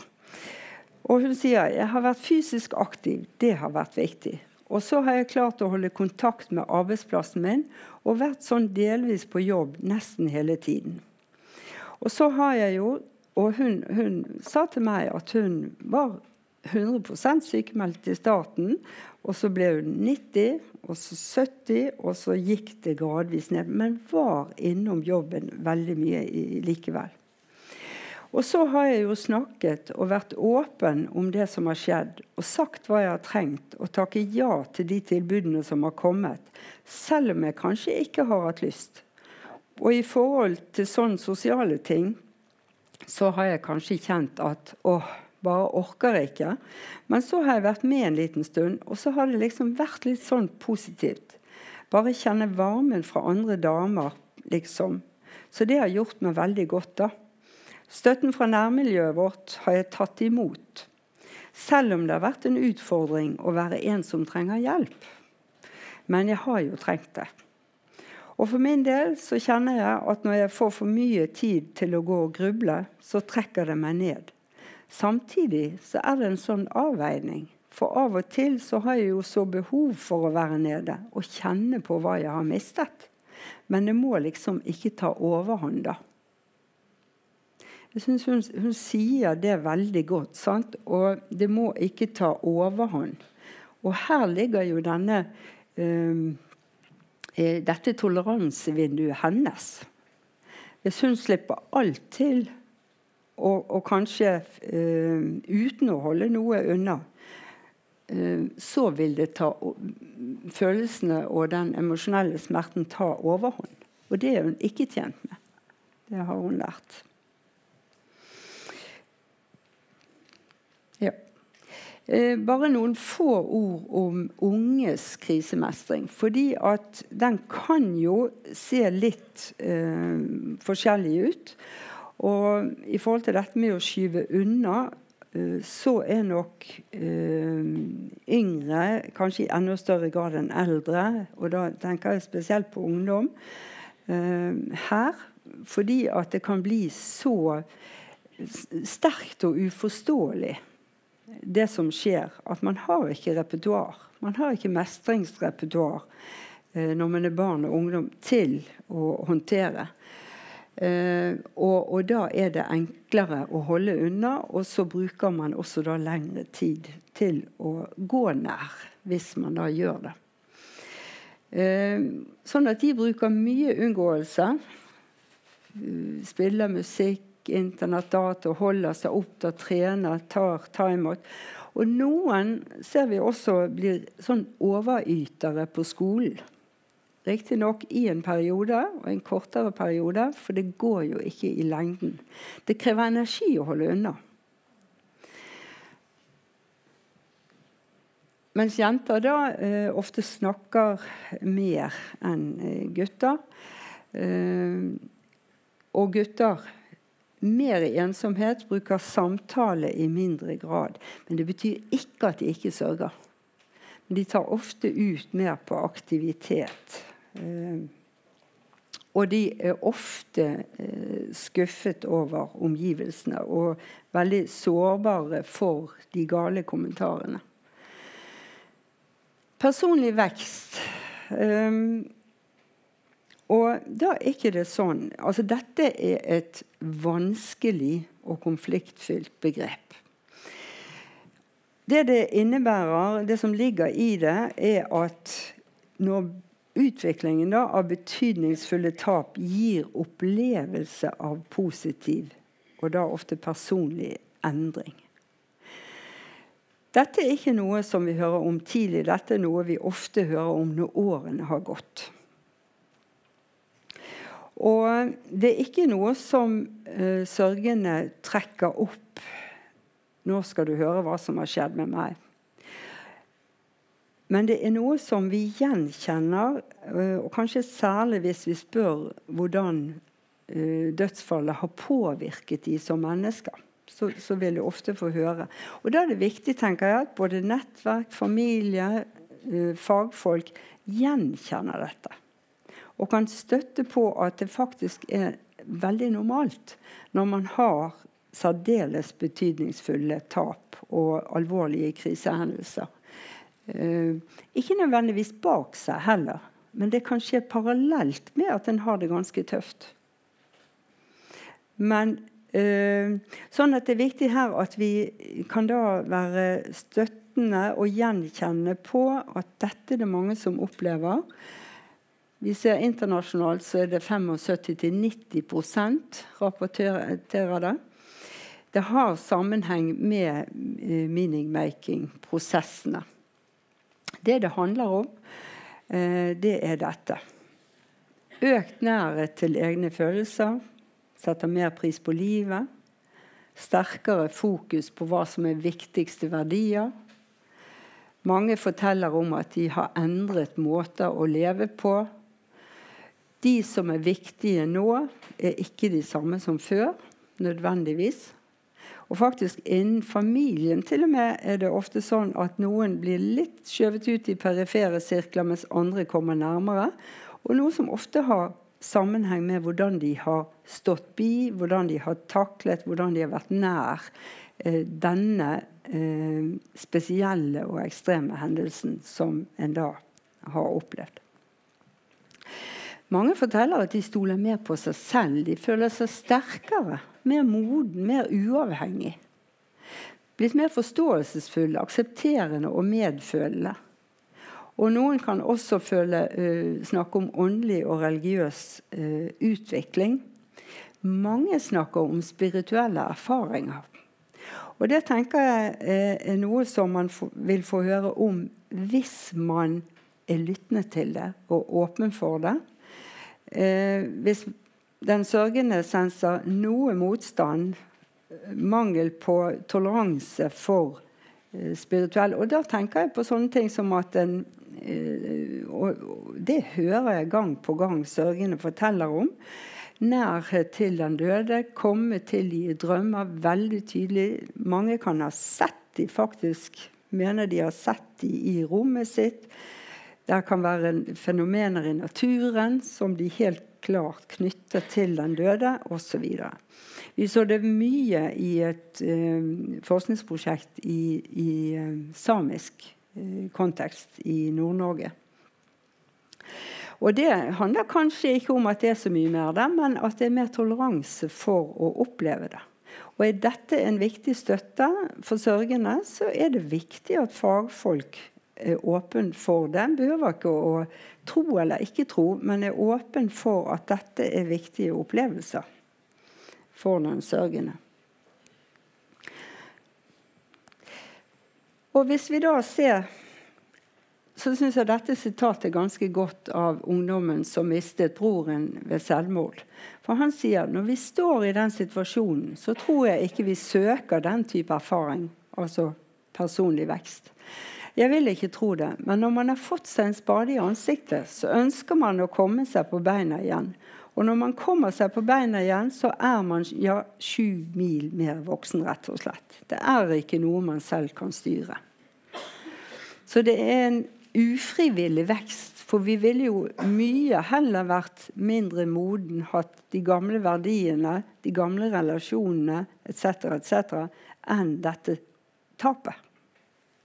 Så det er ikke at man ønsker dette, og derfor blir det et, et vanskelig begrep. Likepersonstøtten helt til slutt, det handler om å treffe andre i samme situasjon som har opplevd da lignende eller eh, like livserfaringer. Og Her kan vi bare se på noen sitater som viser hva dette handler om. Eh, en som mistet sin sønn i trafikkulykke, sier vi følte samhold, vi forsto hverandre. Mange hadde de samme tankene. Man forsto hva man snakket om, og ingenting var vanskelig eller rart å ta opp. Vi hadde alle vært gjennom det samme. Og så er det også det så det, Dette handler mye om gjenkjennelse. Eh, i andre og speile seg i andre. Og det handler også mye om håp. Og det er mange ulike møteplasser for likepersonstøtte. Jeg nevnte foreninger, men det er også terapeutiske grupper. Det er sorggrupper. Eh, det er nettverk, det er telefonlinjer. Så her er det, og, og selvfølgelig sosiale medier og med lukkede grupper. Vi har også og, og, her er det viktig, jeg har bare lyst til å si det, at ikke alle eh, ønsker å treffe andre, kjenner at de har energi til å treffe andre. Og mange får aldri tilbudet, eller vet ikke om. Sånn at jeg tenker det er viktig at alle får eh, tilbudet om likepersonsstøtte. Og vi vet jo at svært mange har mye god erfaring med likepersonstøtte. Vi har skrevet om det i denne boken. 'Hvordan lede sorggrupper'. Der står det også en del om eh, likepersonstøtte generelt. Hva det kan gi, og noen begrensninger. Og eh, også en god del om eh, sorggrupper. Ja.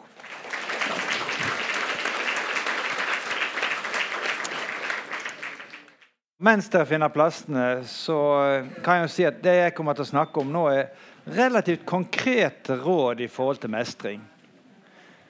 Det som er viktig å tenke da, det det er jo ikke sånn at jeg tror at teknikker og metoder det kan fikse sorgen og ta vekk sorgen. Det er alltid mye hardt annet arbeid. Men ofte så, så trenger vi noe som også letter litt. Jeg, jeg husker for en del år tilbake igjen så jobbet jeg med, som koordinator for psykologer som jobbet med torturofre. Og Da hadde jeg en eh, kurdisk mann som gikk hos meg i tre år, som var så knekket når han kom. Jeg husker fastlegen skrev at han var en knekket person.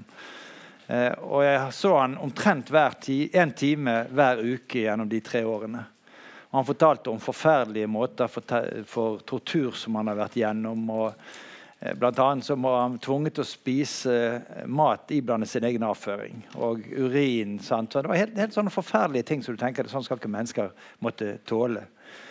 Og eh, Så gikk det gradvis bedre.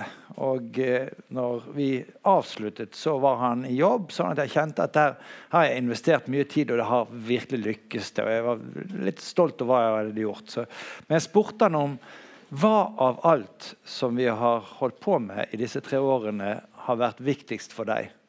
Og så sier han det var det du lærte meg med å tenke på noe annet når jeg spiste.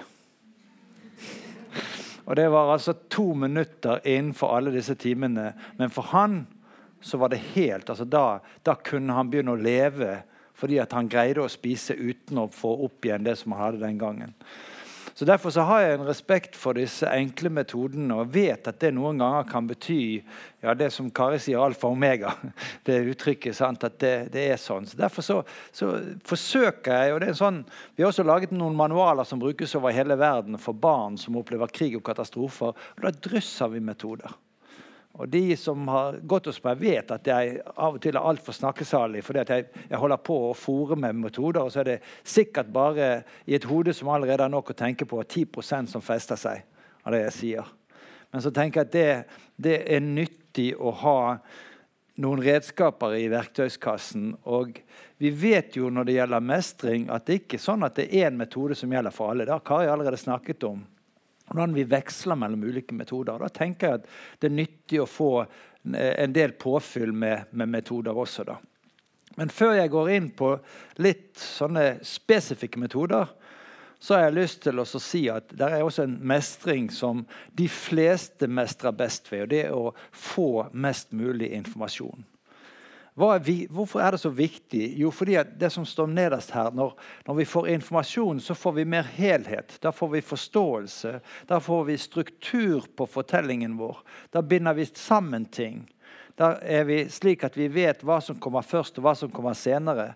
Og det eh, gjør det enklere for hjernen å legge noe over i langtidsminnet, slik at det ikke bare presser på for å komme inn i tankene våre.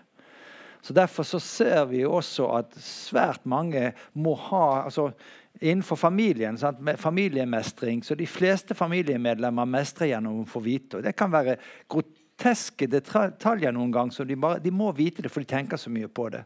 Og så ser vi at virkeligheten, når du får vite den, nesten alltid vil bringe ned fantasien også. Og det, Da er det jo ofte konkrete møter med de som har vært til stede under et sykdomsforløp. De som kan gå igjennom journalen eller obduksjonsrapporten eller ulykkesrapporten. Og vi vet at det er nyttig. Når, når de etterlatte etter Eh, da Turøy-ulykken samles og har lederen for granskingskommisjonen som gjennomgår hva de har funnet ut, og de kan stille spørsmål, så kommer det spørsmål om hvor lang tid tar det for helikopteret å falle til jorden. Var de bevisst når de traff jorden? Sånne spørsmål dukker opp. og Det er ting som vi tenker på, og da må det møtes også med den informasjonen som en har. Det er ikke alle spørsmålene en kan svare på, men det er viktig. Og vi må også tenke at den informasjonen trenger noen ganger barn enda mer enn voksne. Hvorfor det? Som voksne så kan vi ordne ting langs en tidsakse. Vi kan si det må ha skjedd først, og så må det ha skjedd. Men barn mangler den erfaringen, den erfaringsbanken til å organisere tankene rundt det som skjer, og avhengig av voksne, at voksne er villige til å hjelpe dem noe med det. Og ikke hver uke, men nokså ofte så snakker jeg med barn da som, har fått, eller som mangler informasjon for helt ut å mestre. Jeg tenker på en gutt som mistet faren sin i en ulykke. Og så er han inne med mor, og så snakker jeg med, med han og mor. Og så eh, vil jeg at mor skal gå ut. En, jeg ser han fem år etter ulykken og vil at skal, mor skal gå ut, så jeg kan snakke litt med han, eh, han alene. Og med en gang hun er ute av døren, så spør hun hva skjedde egentlig under den ulykken. Sant? Og jeg henter frem fordi at ulykkesrapporten er tilgjengelig, så jeg kan lese opp konklusjonen for han. Og så sier jeg at det er ikke så teknisk kyndig, men jeg kan finne en som kan forklare deg mer av dette. Nei, det var ikke nødvendig, sier han. Og så sier han hvordan ser det ut nede i graven nå? Sånn, fem år etter. Og så må jeg på han igjen, så må jeg være konkret så må jeg si at det er ofte et spørsmål av hvilken type trekvalitet som kisten er laget av, og hvilken jord den ligger i. Og så vet jeg, så har en prest sagt til meg senere at ja, du må også ta inn i bildet temperatur. Nord-Norge, Syd-Norge, At det har variasjon. Eh, så jeg, spør jeg han hvor, er, hvor ligger din far begravet. Så sier han hvor det er. Så sier jeg vi kan også ringe ut til de som, altså de som graver på kirkegården, og få litt mer informasjon. hvis du trenger. Nei, det trengte jeg ikke. Så da har han fått nok der og da. Men så sier jeg hvorfor spurte du ikke om dette når mamma var inne? Hun tåler ikke å snakke om det. Sant? Og det er jo det som er at mange dødsfall er vanskelig å kommunisere om. Og da er det, Vi er tilbake til det som jeg snakket om før. altså Det med hvor viktig det er å eh, tenke på familiesamspillet. Og hvor det så lite prioritert i det norske helsevesenet i dag. Med oppfølgingsarbeid så er det som jeg sa, krisetimen en kort periode. Og så er det ingen når hverdagen kommer og familien skal finne frem til disse rollene, alt det som både Kari og jeg har snakket med, så er det ingen som kan hjelpe på den samtalen. Altså Det er ikke obligatorisk på noe vis, og det er ikke et hjelpetilbud som er der. Og jeg tenker at De neste ti årene så må med en ny sorgdiagnose så må vi forsøke å forebygge at noen skal oppleve komplisert sorg. Og den beste investeringen vil være gode familiesamtaler i det året som kommer etter et dødsfall. Når det har skjedd på sykehus, at sykehuset har et ansvar. Når det er utenfor sykehus, så må vi finne en måte som andre har ansvar. Enten det nå er kriseteamet, eh, kommunepsykologen eller andre som får den oppgaven. Hjelp til rollefordeling, samtale om hva, hvordan er vi som familie nå. Hvilke endringer har vi gått igjennom? Hvem, hvordan tar vi vare på hverandre? Hvordan snakker vi om det som har skjedd? Det ligger inne der. Måltider og samspill. Vi vet f.eks. For fra forskning at hvis far eller mor dør, så er det med varme i hjemmet i etterkant det er viktig. Den gjenlevende må greie å bevare sin foreldrekapasitet nok til å være der for de andre. At de kjenner varmen, at de kjenner at de, det er noen som bryr seg med dem. Og det greier mange, men de må ofte ha litt støtte og hjelp til det. Det andre er det som er disiplin. At reglene forblir altså Det er ikke sånn at når Magne Raundal og jeg begynte å jobbe på barneklinikken, jeg var hans assistent, hvor Magne en gang sa om hvordan rommene så ut til de som var syke, og som mange av de kom til å dø. Så sa han det ser ut som en, en sånn eh, krysning mellom en blomsterfilial og en leketøysbutikk. De fikk alt de pekte på. Og vi har ikke i de situasjonene hvis vi har mistet, så, så, er det ikke tingene vi trenger. Men mange ganger så blir det sånn at vi syns så synd på at vi løsner på, på, på da, eh, reglene som er der. Satt med en mor i dag som vi jobbet snakket mye om akkurat dette. Hvordan hun var viktig at hun ikke bare hjalp barna med å komme dem i møte på ting som de ikke skulle. At de holdt på fastheten i det. Kari har også snakket om dette med signaler ut til nettverket, men også innad i familien så er det viktig å, at en gir signaler om hvilken støtte. Så når dere snakket sant, som at det, det, at den ene part kan si litt om hva jeg ønsker, og den andre kan si noe om det Jeg, jeg går så lett i, eh, eh, i surr med navn, så det ble Marcus og Martinus jeg holdt på å si. Men, så jeg måtte konsentrere meg med Magnus og Martine. Så, så jeg var, jeg var, livredd for jeg skulle starte med å si Marcus, begynne med disse barnestjernene. Uh, Åpenhet i kommunikasjonen. Men det, det, altså dette gjelder jo også kommunikasjon eh, fra innsiden. Og Kari snakket litt om kjønnsforskjellene. At menn oftere har den eh, evnen Jeg pleier å si eh, 20 ikke 25 Men det er fordi at i mitt doktorarbeid så var det 20% av fedrene som var mer lik mødrene, og omvendt. Men, men eh, menn har ofte en eh, evne til å skru av som kvinner ikke kan. Så det kan de lære mer av av mennene.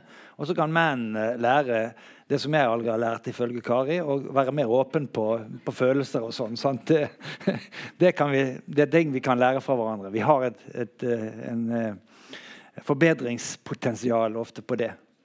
Men det å gi oppdateringer, det å kunne si noe Men du også ser, sånn, sånn som foreldre som mister barn, at de ofte umiddelbart vet.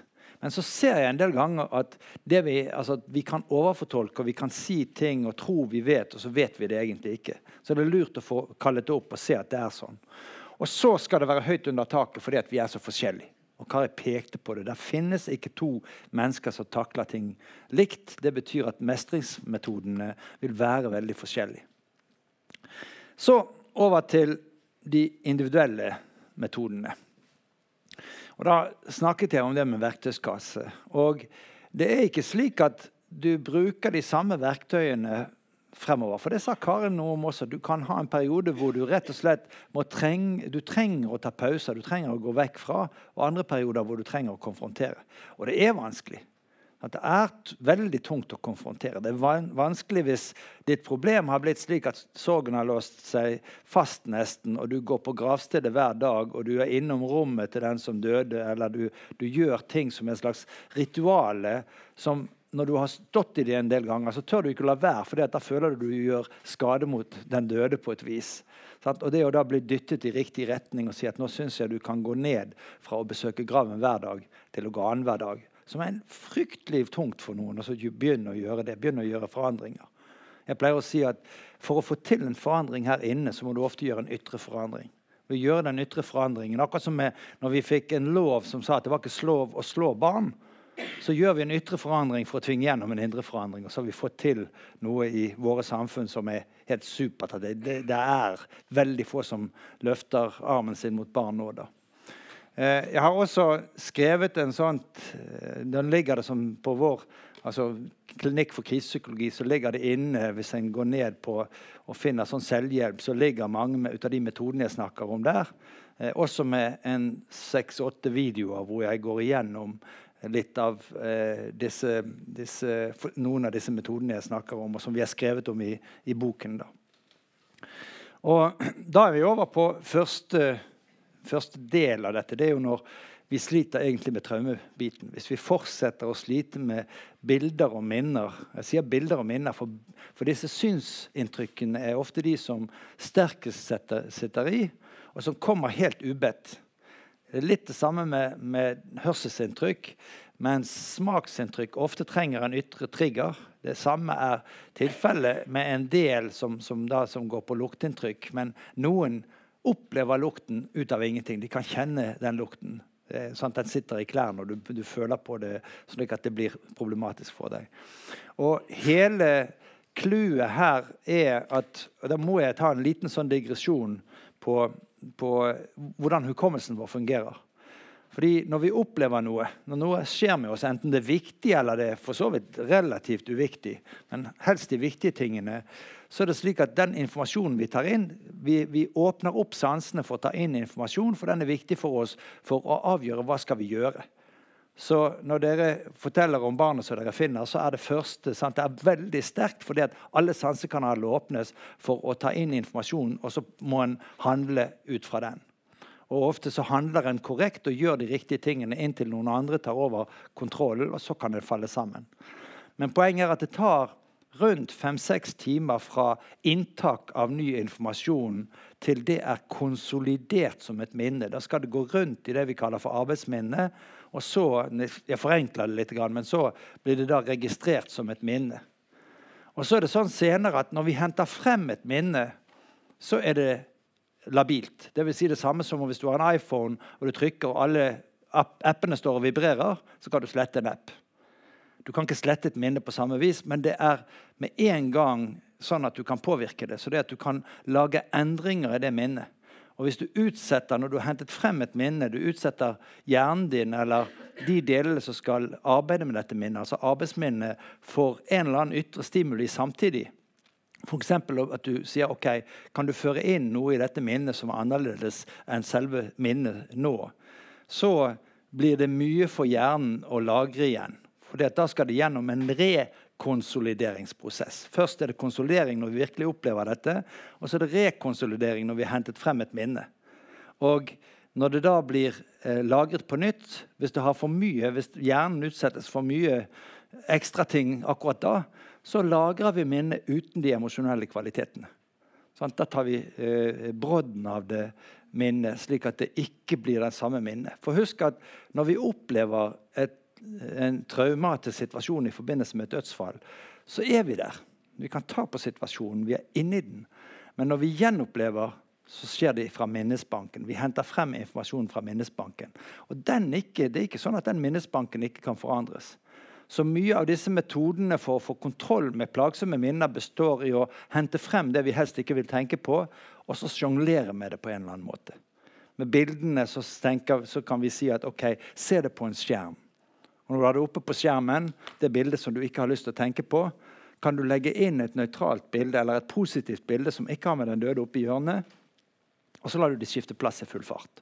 Da er du inne og gjør noe i minnesbanken. Og så sier du ok, nå har du det ubehagelige minnet oppe i hjørnet. Kan du flytte det ned til det andre hjørnet, som er på samme side? Over til den siden, opp til den siden, tilbake der det var først. Og så lukker du eh, programmet. Så kan du gå over i sånn dataspråk og si det. Nå har du bare det tilbake igjen, så var det positive minnet du førte inn.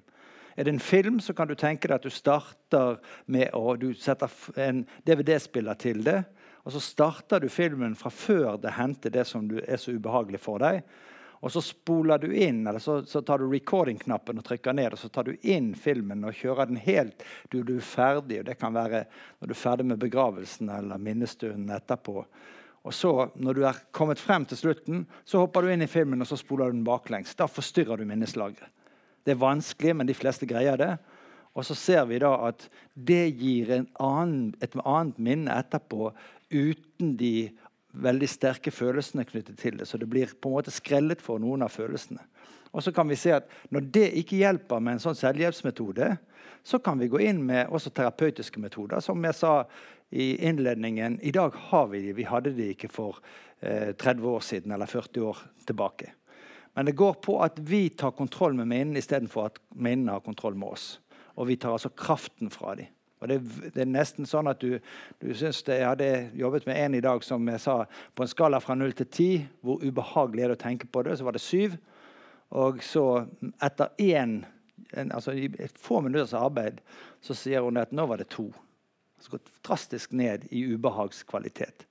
Og Derfor så sier vi at i dag så skal du ikke måtte gå med sånne minner over lang tid i årevis. Det er jo de som har hatt de med seg hele livet.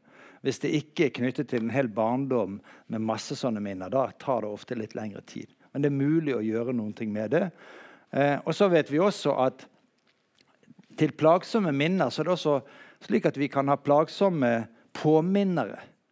Det er et eller annet som minner oss om det, og vi har ikke kontroll når vi kommer ut fra den situasjonen. Sånn som eh, Kari nevnte skuddene etter altså Hvis du opplever eh, skudd, eh, høye lyder i forbindelse med skudd, jeg husker jeg ble oppringt etter 22.07. fra landsskytterstevnet som skulle være i Bodø.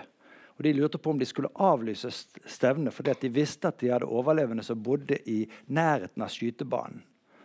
Sånn, akkurat som noen fagfolk mente at når vi skulle ut på Utøya med de overlevende, så måtte ikke politiet være kledd i uniform fordi at Behring Breivik kom i uniform, og det blir en for sterk påminner.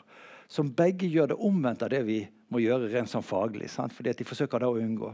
Så jeg sa selvfølgelig skal dere kjøre lensskytterstevne.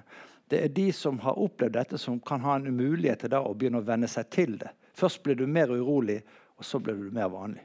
Det er en bedre sjanse å gjøre det enn jeg har de som sliter med sånne reaksjoner på høye lyder. Så det er vanskelig å finne en annen anledning til å trene så mye på høye lyder. Fordi du jo, du skal, hvis du er forberedt på at nå kommer lyden, da får ikke du samme trening som hvis du er uforberedt. Og du greier ikke å være den som kontrollerer når de skyter på en skytebane. Slik at Da får du en trening på det. Men det er noe av prinsippet der som, som vi har. Og når det er en traumatisk påminner, så lønner det seg nesten alltid å ta tyren med hornene og nærme seg det, utsette seg for det og vite at først blir det verre, og så blir det bedre. Hvis det er grubling og bekymring. Så eh, nevnte dere metoden med å sette av en time til å gå nær, eh, nær ting. Det er, en, det er i grunnen noe som jeg kunne gjerne sagt også her. Grubling, bekymring eller for mange tanker på den døde. Fordi det er en fellesnevner her det er at noen ting får lov til å bruke veldig stor del av din tid hver eneste dag. At du innimellom grubler, det gjør jo ingenting. Og som Kari sa, det er noen måter du grubler på, så du kan gruble deg videre, og det går bedre for deg. Sant? Jeg fornevnte hun som, som så, eh, hadde, hadde, så mange sånne fantasier om hva som kunne skje. Som, når jeg spurte om hun hadde hjulpet henne, og hun hadde en. Med henne så var det noen av disse fantasiene som var mer plagsomme enn andre. Og da la vi en beredskapsplan for dem. For så snart du konkretiserer en bekymring, så vil du ofte overføre den til en form hvor den ikke har sånt grep på deg. Sånn at du sier OK, hva, hva, vil du planlegge her? Og Har du lagt en plan for å takle det som du er redd kan skje, så er det også lettere å si at OK, jeg har en plan. Jeg trenger ikke å gå rundt og tenke på dette hele tiden. Det er en, det er en sånn kognitiv, en tankemessig måte å gjøre det på. Men som oftest så trenger du også å knipe inn på tiden som du tenker. Enten fordi du grubler for mye, fordi du bekymrer deg for mye, eller du tenker for mye på den som er død. Og hvis du tenker for mye, og du bruker la oss si, to timer hver dag på å tenke, altså du er helt overopptatt av det, ja, så kan du bruke den metoden som, skal, eh, som jeg har skissert her. Den, den heter faktisk PWE, altså Postpone Worry Exercise. Og den ble utviklet for å håndtere sykdomsangst.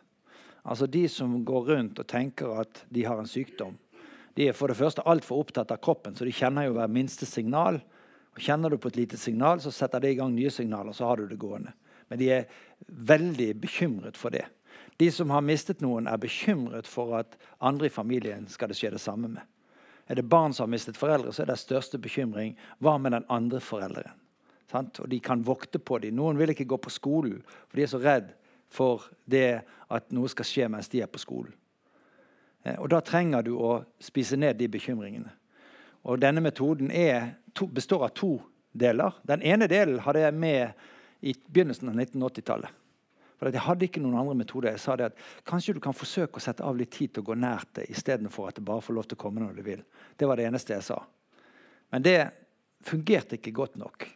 Mens når eh, Adrian Wells, som jeg kjenner fra slutten av 80-tallet, for han jobbet på, på traumeområdet Når han, de beskrev dette, så hadde de to komponenter i det. Det ene var at ja, du skal sette av en tid, men den bør ikke være mer enn 15-20 minutter hver dag kan være opp mot en halvtime hvis det er sorg. Det har jeg hatt mange som har brukt. Da.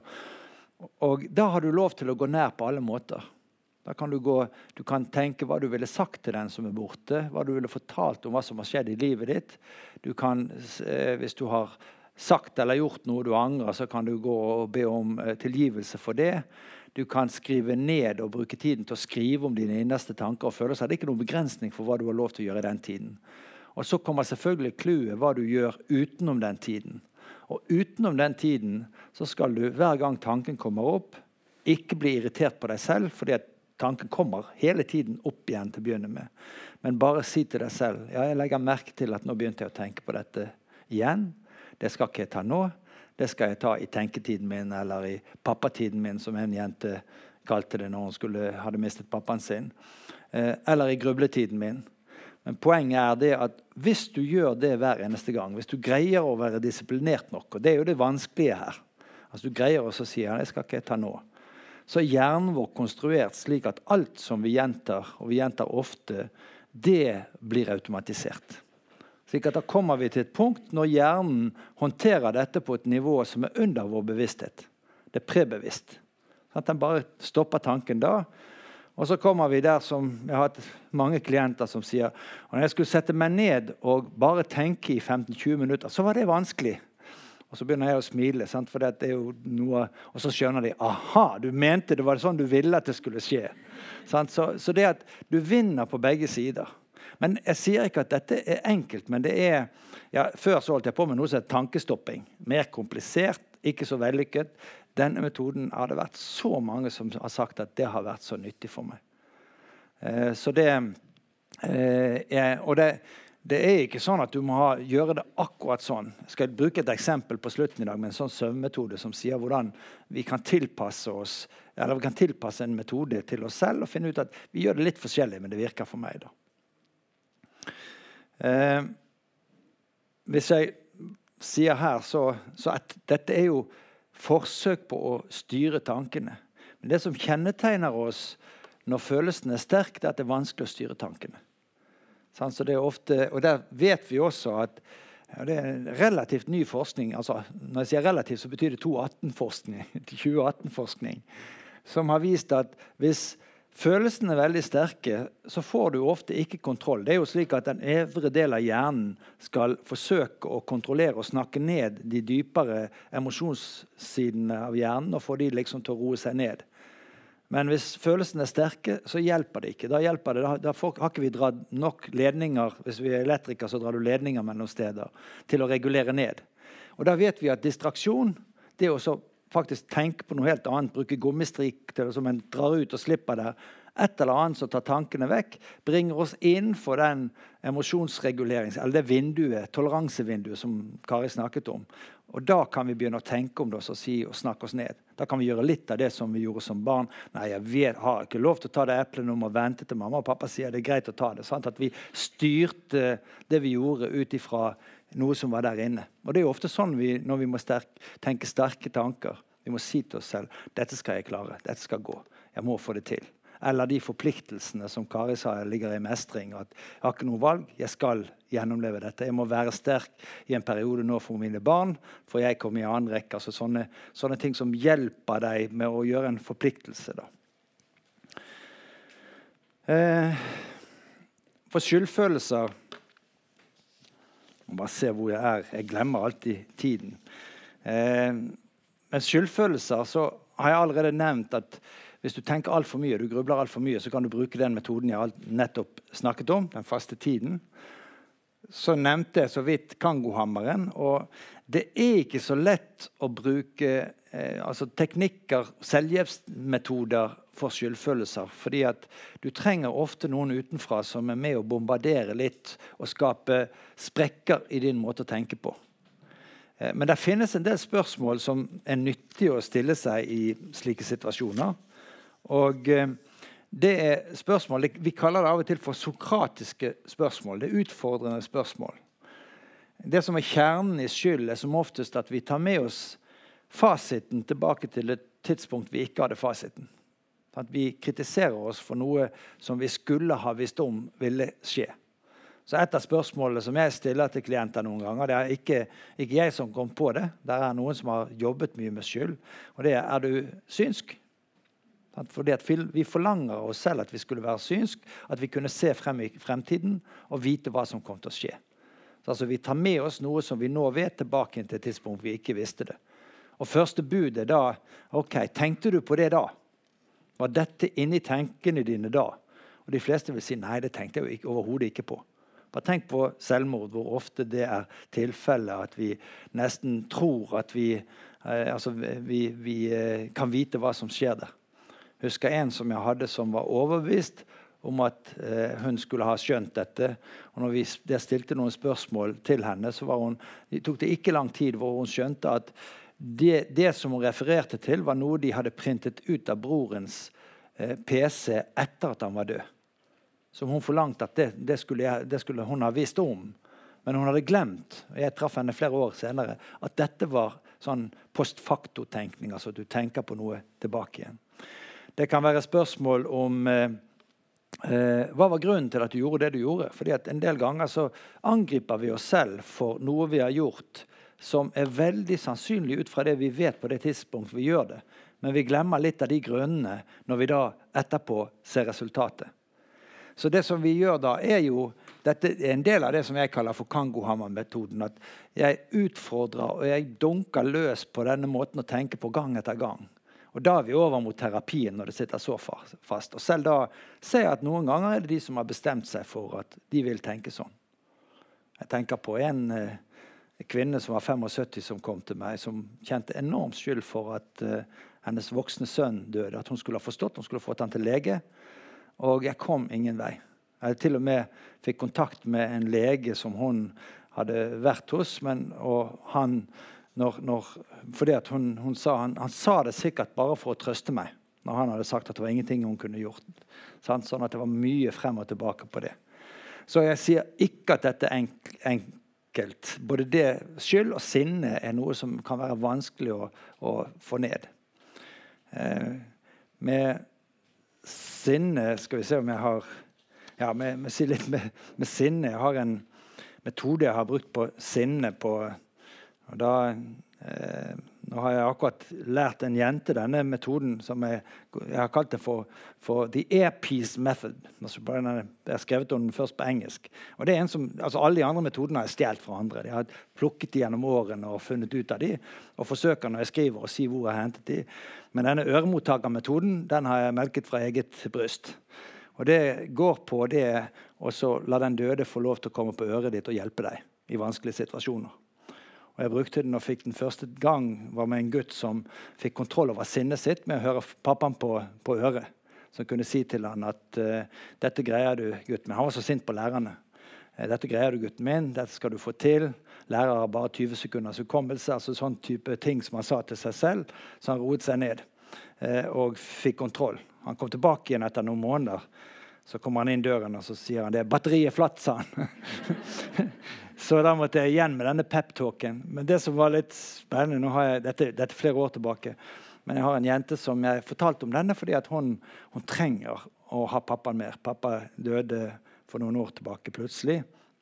Og så, så savner hun pappa. Hun tenker mye på at eh, nå, hun, hun, mistet ham for tre år siden. Nå er hun da snart 13, og så tenker hun på at hun eh, vil eh, vil eh, ikke Pappa vil ikke være der når hun blir eh, eh, gifter seg eller finner sin partner når hun får barn. Så det er denne flash forward som vi snakket om.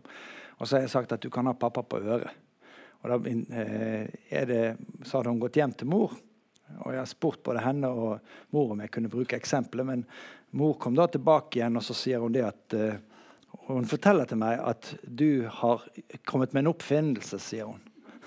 Og det er en sånn som sitter i øret. Så sa, hadde moren forsøkt å si at det, nei, det er bare sånn du gjør i fantasien. Nei da, det manglet batterier, sa hun.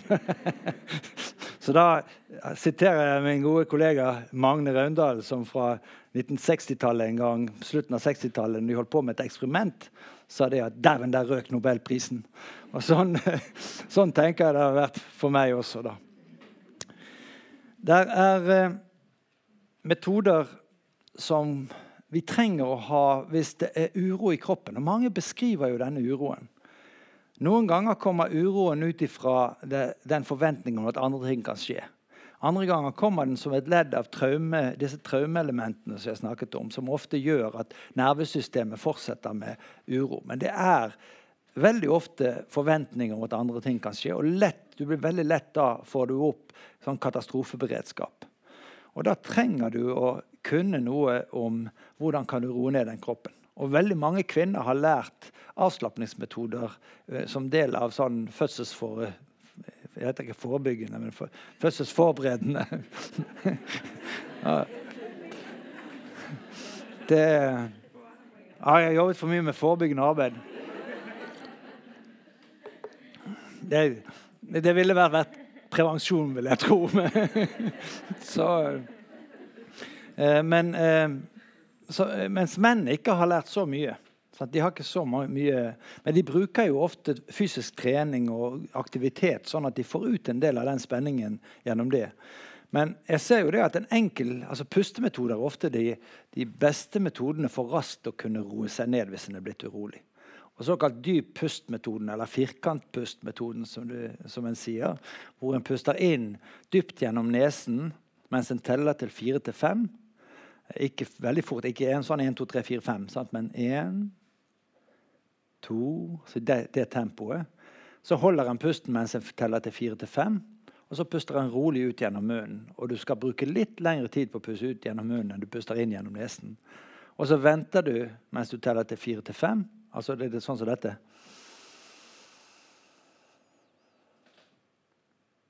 Og så venter jeg.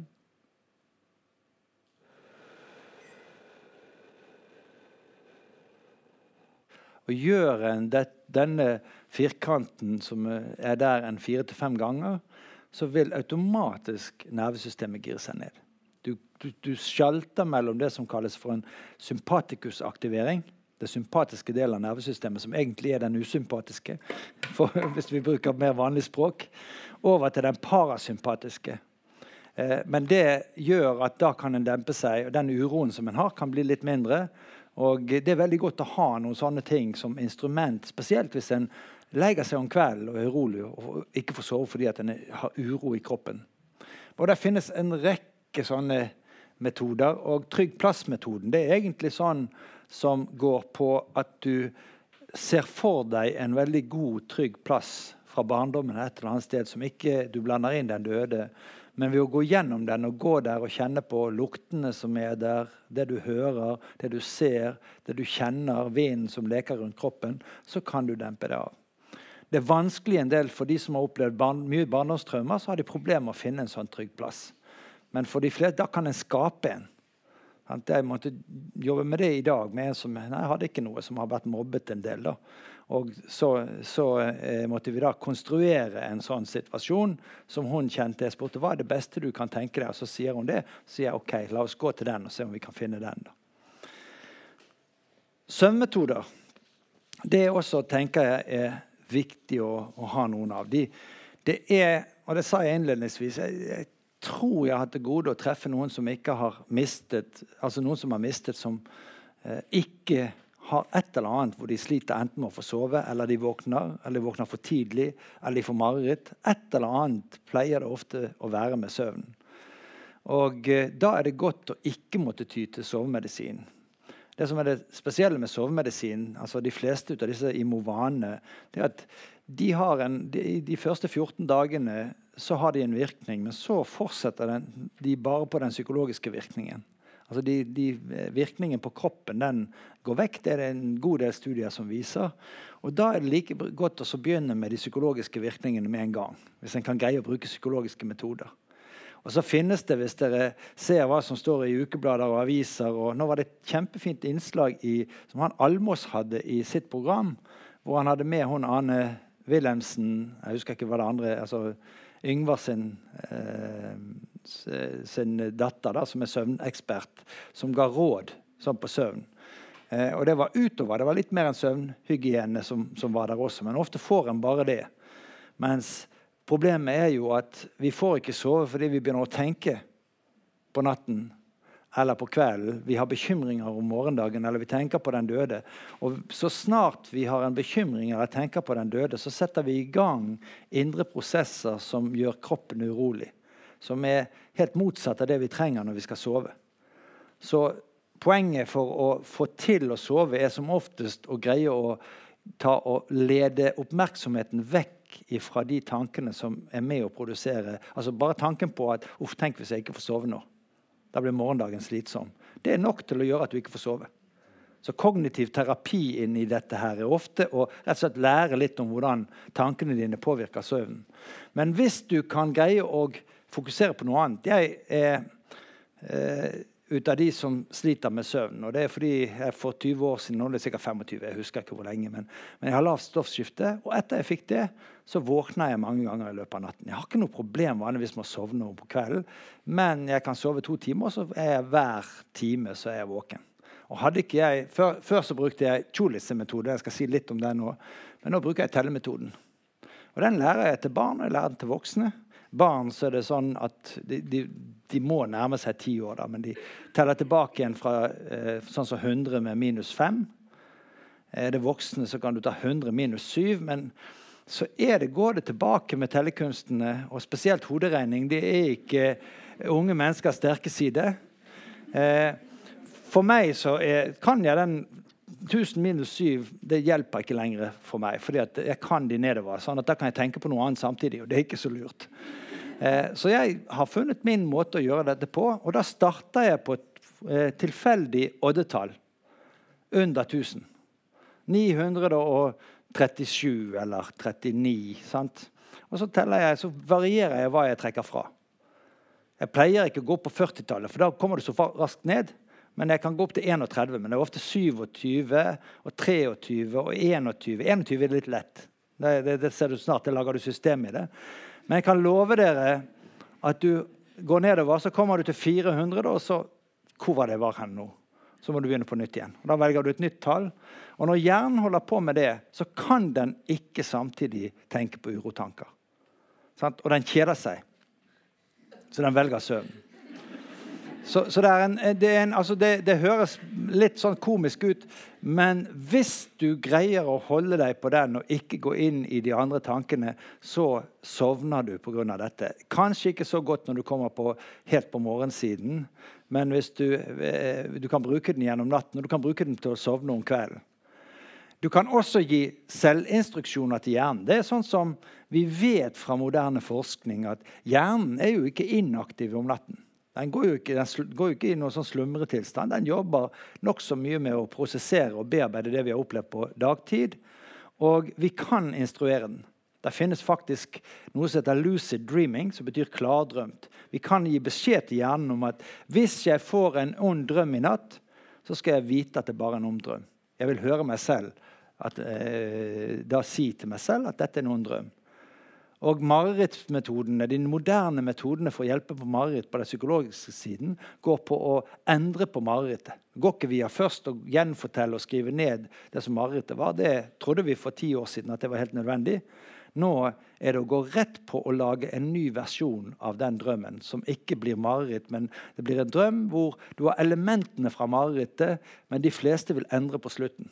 Slik at du lager en ny drøm, og så når, når, du har laget den nye drømmen med marerittelementene i, men uten at de er forferdelige sånn som de var, så øver du inn den nye drømmen. Og For å være veldig sikker på at du skal få effekt, så kan du tenke at du i den drømmen ser hånden din som gir deg et signal. Du legger inn altså et element i drømmen hvor du ser din egen hånd. Og hånden er et signal på at du skal vite at dette bare er noen drøm. Så det hjelper altså på når du kommer dit hen, så Å ja, det er bare noen drøm. Så Det høres litt sånn magisk ut, men dette er da metoder som er, er jobbet frem, de har gjort forskning på dem, og du ser at det, det er nyttige metoder. Tjolist sin pustemetode det er en metode som går ut på at vi puster på en spesiell måte for å gjøre at hjernen blir mettet på eh, kulldioksid. Og det vil si at du puster tre ganger normalt. På tredje utpust venter du med å puste inn til du er nødt til å puste inn. Og Så forsøker du å puste normalt tre ganger. Tredje utpust puster du ut, og så venter du igjen. Det som skjer da, det er at hjertet slår hele tiden og pumper blod gjennom lungene. Lungene forsyner hjernen med blodet, som har med oksygen. Men når du ikke puster inn, så får den ikke nytt. Da, ikke, da, da, oksygeneres ikke blodet. Slik at det blodet som kommer opp, det mangler altså oksygen. Det gir tretthet. Sånn at da hjelper du hjernen på vei mot søvnen. Men den er mer slitsom enn tellemetoden. Kanskje burde jeg, fordi jeg syns den er så bra, ikke, ikke, fremheve den så mye. Men er, det er altså fullt mulig å lære seg en del søvnstrategier som er nyttig. Jeg har på disse samlingene som vi nå har vært rundt med, lest dette brevet som jeg fikk. Det, dere ser det bedre egentlig enn jeg ser det på skjermen, men jeg skal, jeg skal lese det for dere. Det er det er en dame på 90 år som skrev Jeg har laget en bok som heter Den lille søvnboken, som kom ut på nytt i 2015. Men den kom første gang ut i jeg tror det var 2002. eller noe sånt. Eh, og eh, Så kom den ut på dansk, og da het den 'Sov nu'. Og eh, Så fikk jeg altså dette brevet via forleggeren fra Danmark. og Da sier hun da Jeg må nesten lese det der, for det er større enn det er der. Jeg føler trang til å fortelle dem hvor glad jeg er for at ha lest deres bok 'Sov nu'. Jeg er 90 år og har i de siste år hatt stort eh, eh, besvær med å falle i søvn. Når jeg eh, hadde, eh, se, hadde eh, lest et kvarters tid og slukket lyset, myldrede tankene frem fra alle hjørner av min lange tilværelse. Noen gode, andre plagsomme. Fordi det var ting jeg hadde forsømt eller ikke gjort godt nok. Min lege ga meg sovepiller, men dem tager jeg eh, nødig pga. mulige bivirkninger. Men så ble jeg oppmerksom på deres bok, og den har vært meg til stor hjelp. Nå slukker jeg lyset, legger meg på siden og sier eh, innstendig 'slapp av og sov'. Slapp av og sov. Jeg vet ikke hvor mange ganger, men visst ikke over ti, for så sover jeg. Derfor takk for deres gode bok, hvor de så varmt og forstående eh, belyser problemene. Og hjertelig takk for deres betydning for meg. De eh, vennligste hilsener fra Det er sånn som gjør det verdt å skrive. For skriving tar utrolig mye tid, men det er nettopp sånn feedback som du får. Men så der ser du også det som jeg sa litt tidligere, at de kan ta informasjon som står, og gjøre det til sin egen på en eller annen måte. Og jeg vil jo aldri tenke på å si nei, du må ikke gjøre det sånn. Det var litt feil. Så lenge det virker, så er det jo det som er med, med hensikten med det. Ehm, jeg skal snart avslutte, men jeg hadde tatt med dette bildet også som et siste bilde. Og det er når, når sorgen har gått seg fast. Hvor, og jeg har sagt litt om det, sant? hvor du er nødt til å utfordre disse personlige ritualene. Ha en plan for å gå frem, som er å konfrontere og ikke unngå altså den, den, Du skal unngå det som du gjør for mye av der, fordi at du går for mye eh, tett innpå. da. Du kan også, før en kommer ut der hvor det er blitt komplisert, i alle fall tenke over hvordan vil jeg at rommet eller tingene fra den døde skal være. Og Det må diskuteres i familien. Jeg husker en familie hvor en, en ung gutt døde, hvor tolvåringen og vi satt der hele familien, tre fire søsken og foreldrene sa det at dere får ikke lov å ta vekk tannbørsten, den skal stå på badet. Og da skjønte du at foreldrene hadde begynt å støvsuge alle tingene fra den broren, slik at han kjente at de ribbet, ribbet han vekk uten at det var diskutert i familien. da. Um, men det kan være godt å si at OK har, Og jeg spør ofte om det. Hvordan har du tenkt det da? Når tenker du at du vil begynne å rydde litt i tingene? Det er for å sette i gang prosesser på det. Det er ikke noen sånn at det er fast, ja, du skal ha ryddet etter tre måneder eller fire måneder. Men du skal reflektere over hva det gjør, og hva det vil gjøre med din tilværelse. Sånn som hun som jeg snakket om, som hadde hatt denne fantasien som stoppet for henne. Hun hadde ett år og to måneder etterpå ikke engang tørket vekk krumlet, som vi sier på bergens smulene, som de sier noen gang andre steder i landet, etter den siste brødskiven som han hadde skåret. Sant? Og da vet du da står det stille her. Og da, du, da trenger du å gjøre noen ting der. Det har vi snakket om også, sant? Å, begrense tiden som en går nær. Og så også vite at spesielt når det er plutselig dødsfall, så kan du i fantasien gå til dødsøyeblikket i tankene dine og si de tingene du ikke fikk tid til å si.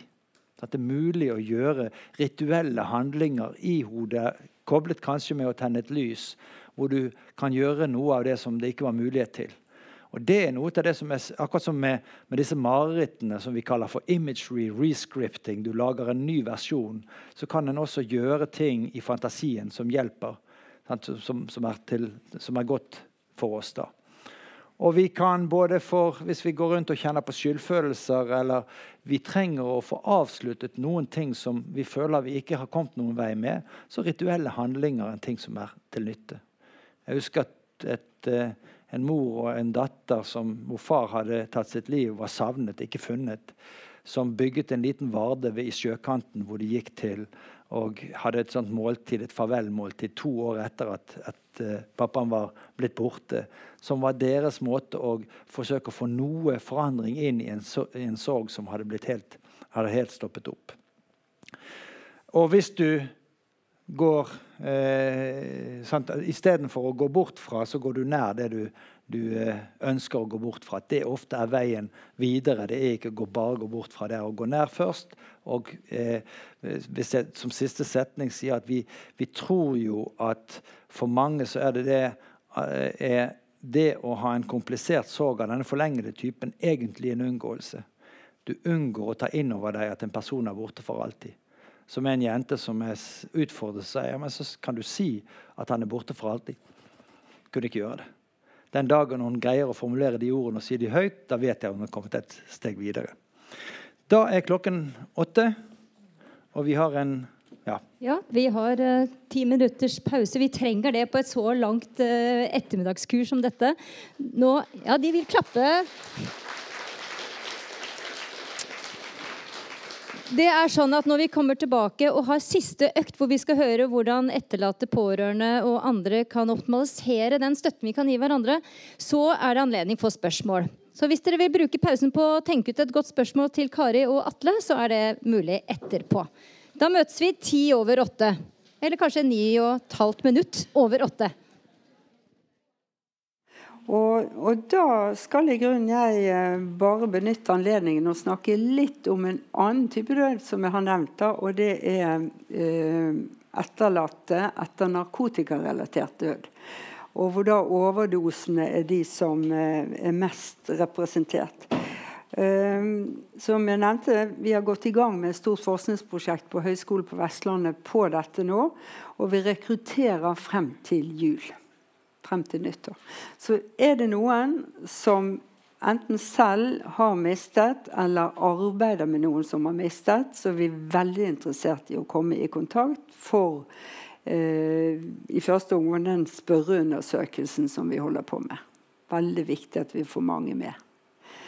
Det ligger brosjyrer ute her på det prosjektet, så ta den med, så kan dere se hvordan det er veldig enkelt å bare ta kontakt på mail, og så setter vi i gang og får sendt spørreskjema.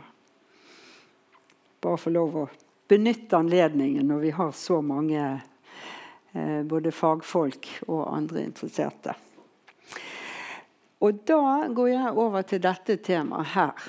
Hvordan optimalisere nettverksstøtten.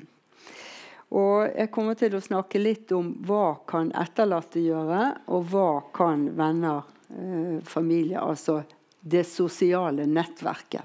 For med sosialt nettverk så snakker vi her om familie, utvidet familie, venner, naboer, kollegaer. Um, og så kan du, hvorfor, hvorfor er dette tema?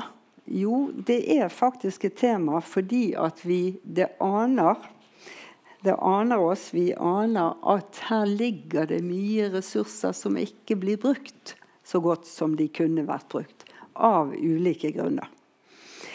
Og mm, dette har vi også forsket en god del på for ulike uh, grupper etterlatte.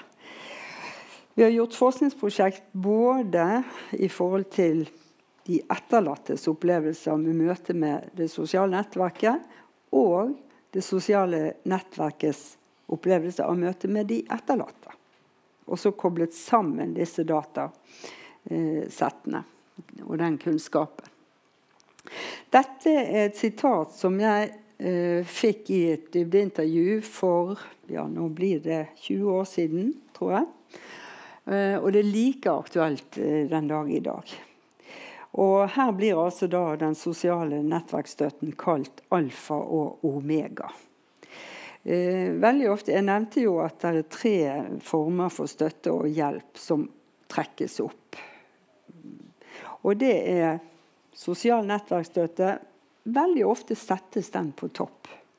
Uten venner og familie vet jeg ikke hva jeg hadde gjort. Uten venner og familie hadde det ikke gått. Uh, så ikke det er alle som har det. Det er ikke alle som har nettverksstøtte. Det er ikke alle som har hjelp i nettverksstøtten. Noen har flyttet, sånn at de har flyttet vekk fra sine nettverk. Det, og, og, noen er i konflikt med nettverk. Så det er ikke bare rosenrødt. Men de som har støtte og hjelp i nettverket, eh, de trekker det opp som det absolutt den viktigste formen for hjelp. Og det er gjort ekstremt mye forskning på betydningen og virkningen av sosial nettverksstøtte. Sånn at det har vært et tema internasjonalt i, i mange, mange år. Eh, veldig kort fortalt eh, Det som god nettverksstøtte kan bidra til, det er helt klart å dempe psykisk stress. Forskning viser òg at det øker resiliens, altså motstandsdyktighet, i å stå i vanskelige situasjoner. Og i ytterste konsekvens så øker det faktisk levetid. Livslengde. Og det, det er sånn som forskningen kan se på ved å kontrollere for andre, andre ting som kan spille inn. Og en så også at god nettverksstøtte reduserer forekomst av sykdom. Det kan være psykisk sykdom, somatisk sykdom. Eh, og når man er syk, så vil god nettverksstøtte også øke tilfriskning. Altså gi hurtigere tilfriskning. Og det som en også ser, det er jo at det er mindre behov for helsetjenester når en har god nettverksstøtte. Uh, Atle nevnte noen uh, former for uh, nettverksstøtte som, uh, som fins. Og veldig ofte så tenker vi kanskje på samtale, altså det å sitte og snakke med noen. Og det er en viktig form for nettverksstøtte. Og den emosjonelle støtten en kan få ved rett og slett bare at noen lytter. Og det er noe vi ser også blant sørgende, at de ønsker ikke nødvendigvis de gode rådene og alt eh, Så mye snakk fra den andre, men det er mye mer lyttingen.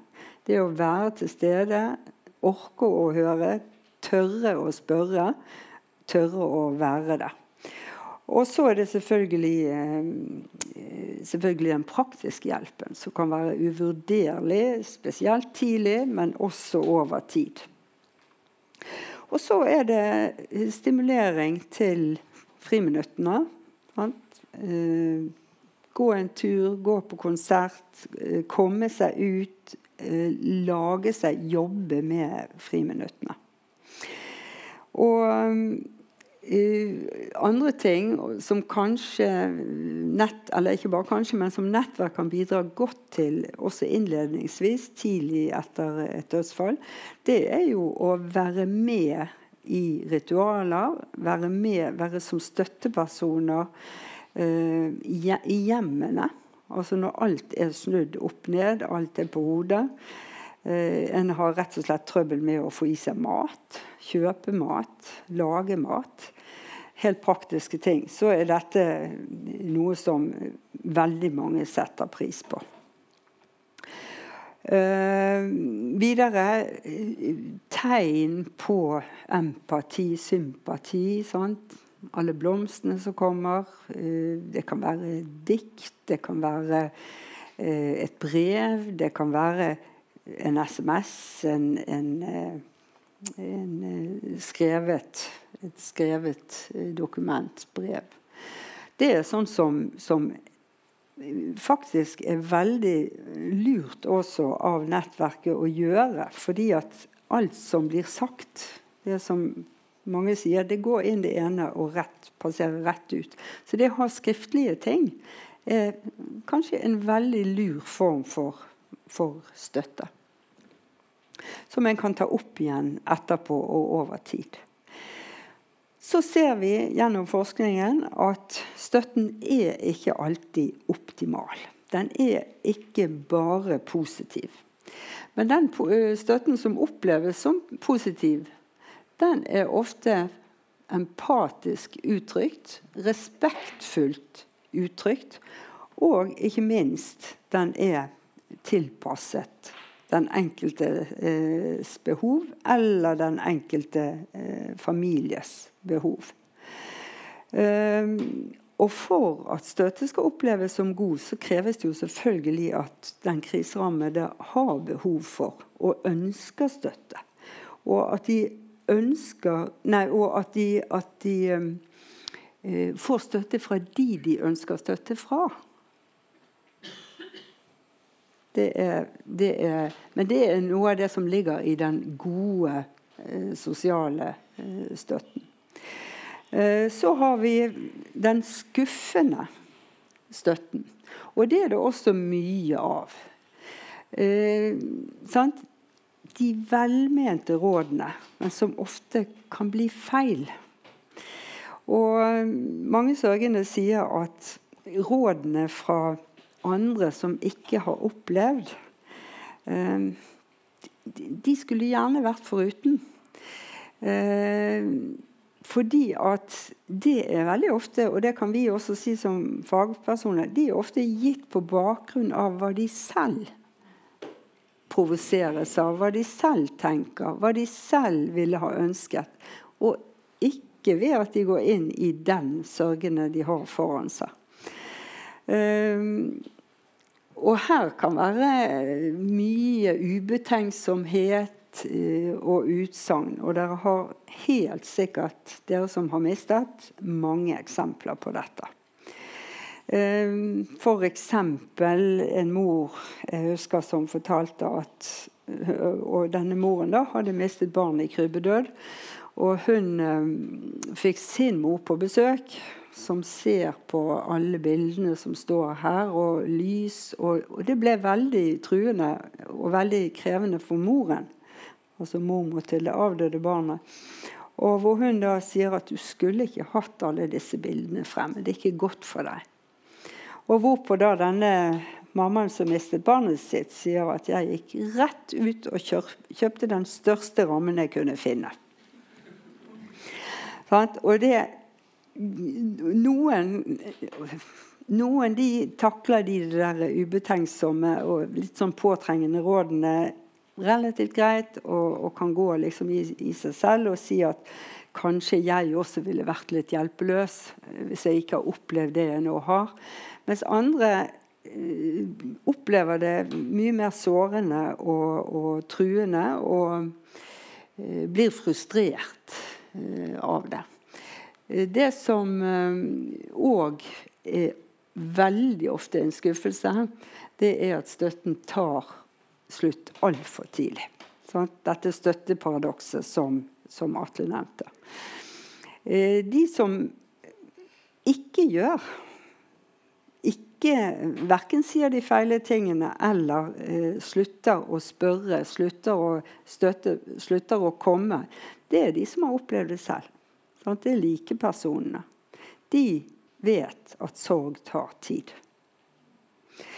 Eh, jeg pleier veldig ofte også å vise støtteparadokset til profesjonelle, til fagfolk. For de også som ikke har opplevd eh, å miste selv, eh, de også sliter litt med at de tenker at nå må det jo gå greit. Og når, eh, etterlatte da får eh, mange ganger, og kanskje til og med fra samme person, at ja, nå går det jo, nå går det jo greit, så slutter man å kommentere på det. Så bare går man, eller så sier man ja da. Og da er på en måte kommunikasjonen brutt også. Sant? Da er ikke det noen som forstår, og det er ikke noen vi kan forholde oss til i den innerste sirkelen av eh, nettverk. For vi, vi, tenker jo at vi har emosjonell nærhet eh, i ulik grad til ulike mennesker. Sant? Det vet vi. Og noen av disse som ikke forstår, de blir ofte flyttet litt utover i sirklene. Og det blir i alle fall disse som eh, gir, eller de gir jo da ikke støtte, sant? men den negative sosiale støtten. Og det handler spesielt om forventet støtte som uteblir. Og det vet vi jo alle sammen, om vi ikke har tenkt så veldig mye på det. Men vi kan, vi kan begynne å tenke litt på hvis noe alvorlig skjer med meg, hvem er det som ville stilt opp for meg? Hvis vi tenker på det, så kanskje vi kan konkretisere det. Men vi har noe sånt i bakhodet, sant? alle sammen. Eh, og når ting skjer, og de som en da tenker skulle være der, skulle stille opp, skulle forstå, ikke gjør det. De kommer kanskje i begravelsen, og så ser en det ikke lenger. Det er noe av det vondeste som en opplever i, i forhold til nettverket. Og så har en en del som, som, uh, som jeg sa, kanskje er der i begynnelsen, og så trekker de seg gradvis unna. Og veldig tidlig unna. Mange grunner til det. Sant? Noen har rett og slett trøbbel med å se sin gode venninne eller se sitt familiemedlem så eh, berørt, så sliten. Eh, andre står i veldig tøffe ting selv. Eh, det kan være mange grunner til å trekke seg unna. Og så har du den store gruppen som ikke forstår hvor lang tid smerten sitter i. Eh, og da er det at disse her, denne dynamikken i nettverket skjer. At noe rett og slett blir sjaltet ut og, og ut i den ytterste, ytterste sirkelen. For det blir for tøft, og skuffelsen er stor. Og her eh, er bare et sitat i forhold til støtteparadokset. Jeg føler at vennene sier det uten at de gjør det, at nå er det gått såpass lang tid at det er nok. De gamle vennene, de som har kjent meg lengst, er egentlig de som bakker ut. Det blir gjerne for mye for dem, og de takler det ikke selv, sa den unge gutten som mistet broren ved eh, selvmord. Og dette er ikke uvanlig. Dette er ikke uvanlig. Noen klarer da å gå litt altså, av sørgene, å gå litt ovenpå og se det ovenifra, eh, og kanskje da si at 'jeg ville kanskje vært like hjelpeløs selv'. Sant? Og så går en likevel videre med disse, eller får kontakt igjen. Mens andre bryter helt den type kontakt. Og her syns jeg det er et, et, et, viktig og godt dikt fra en, en uh, mamma som mistet barn i krybbedød.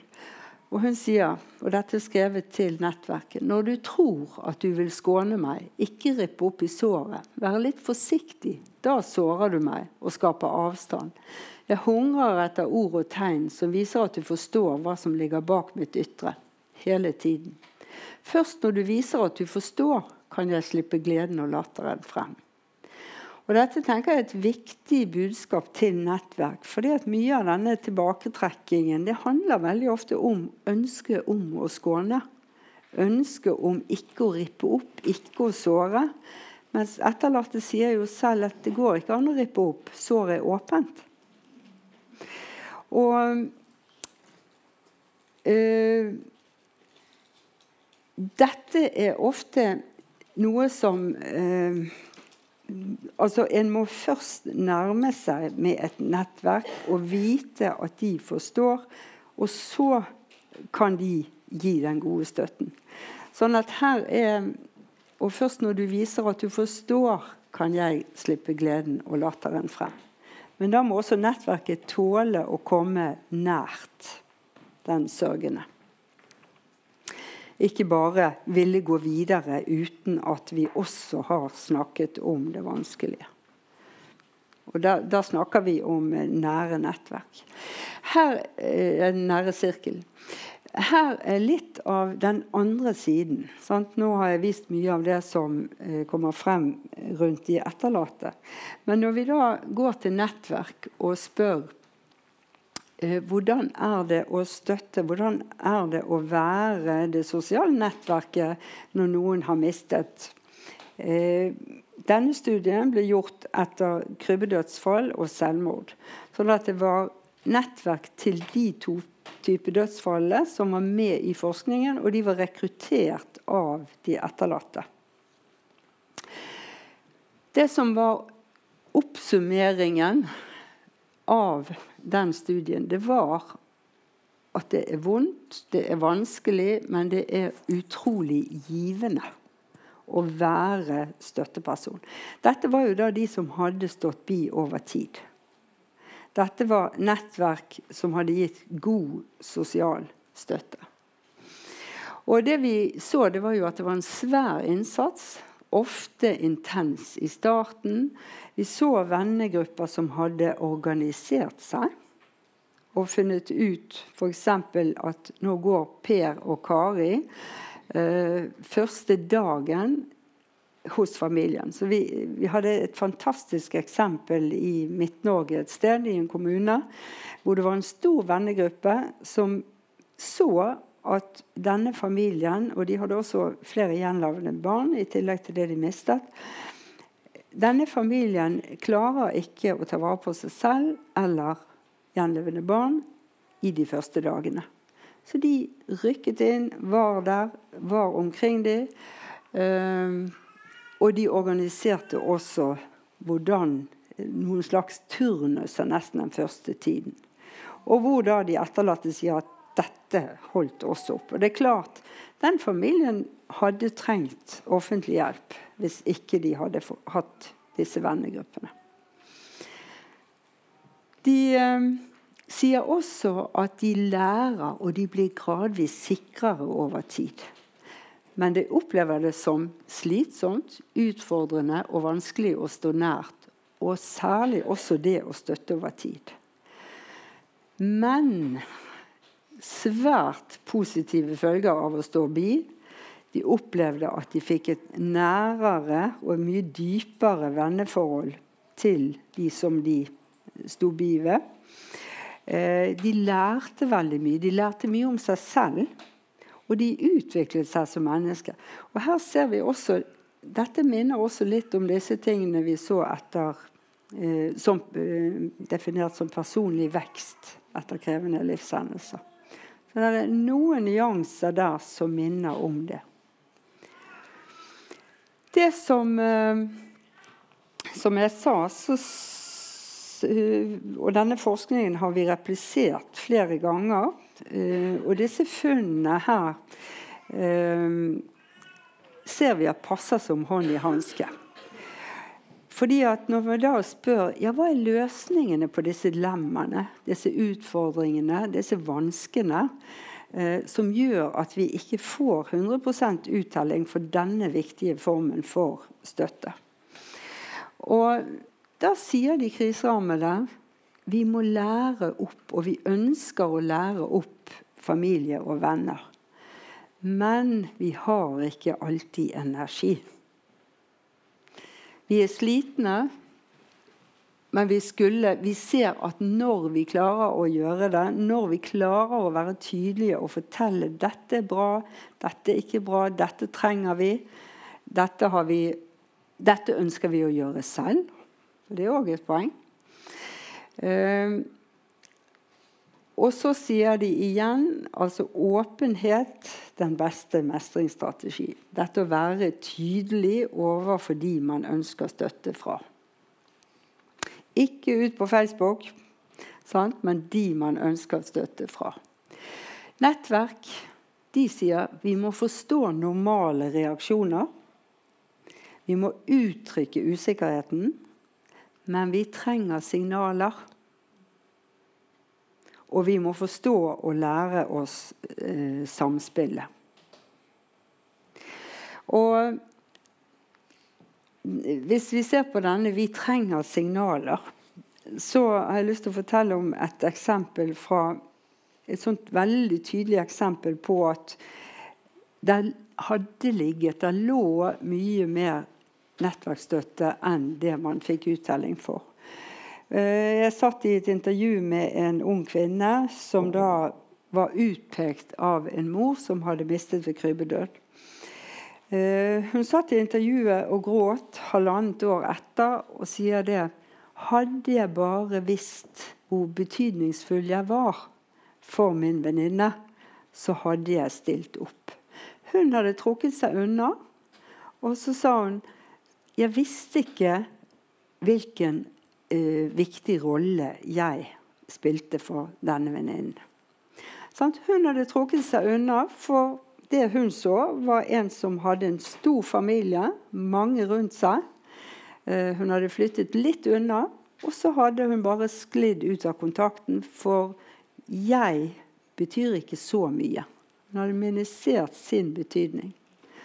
Og den, den etterlatte, hun som hadde mistet, hun hadde ingen energi til å hente henne inn.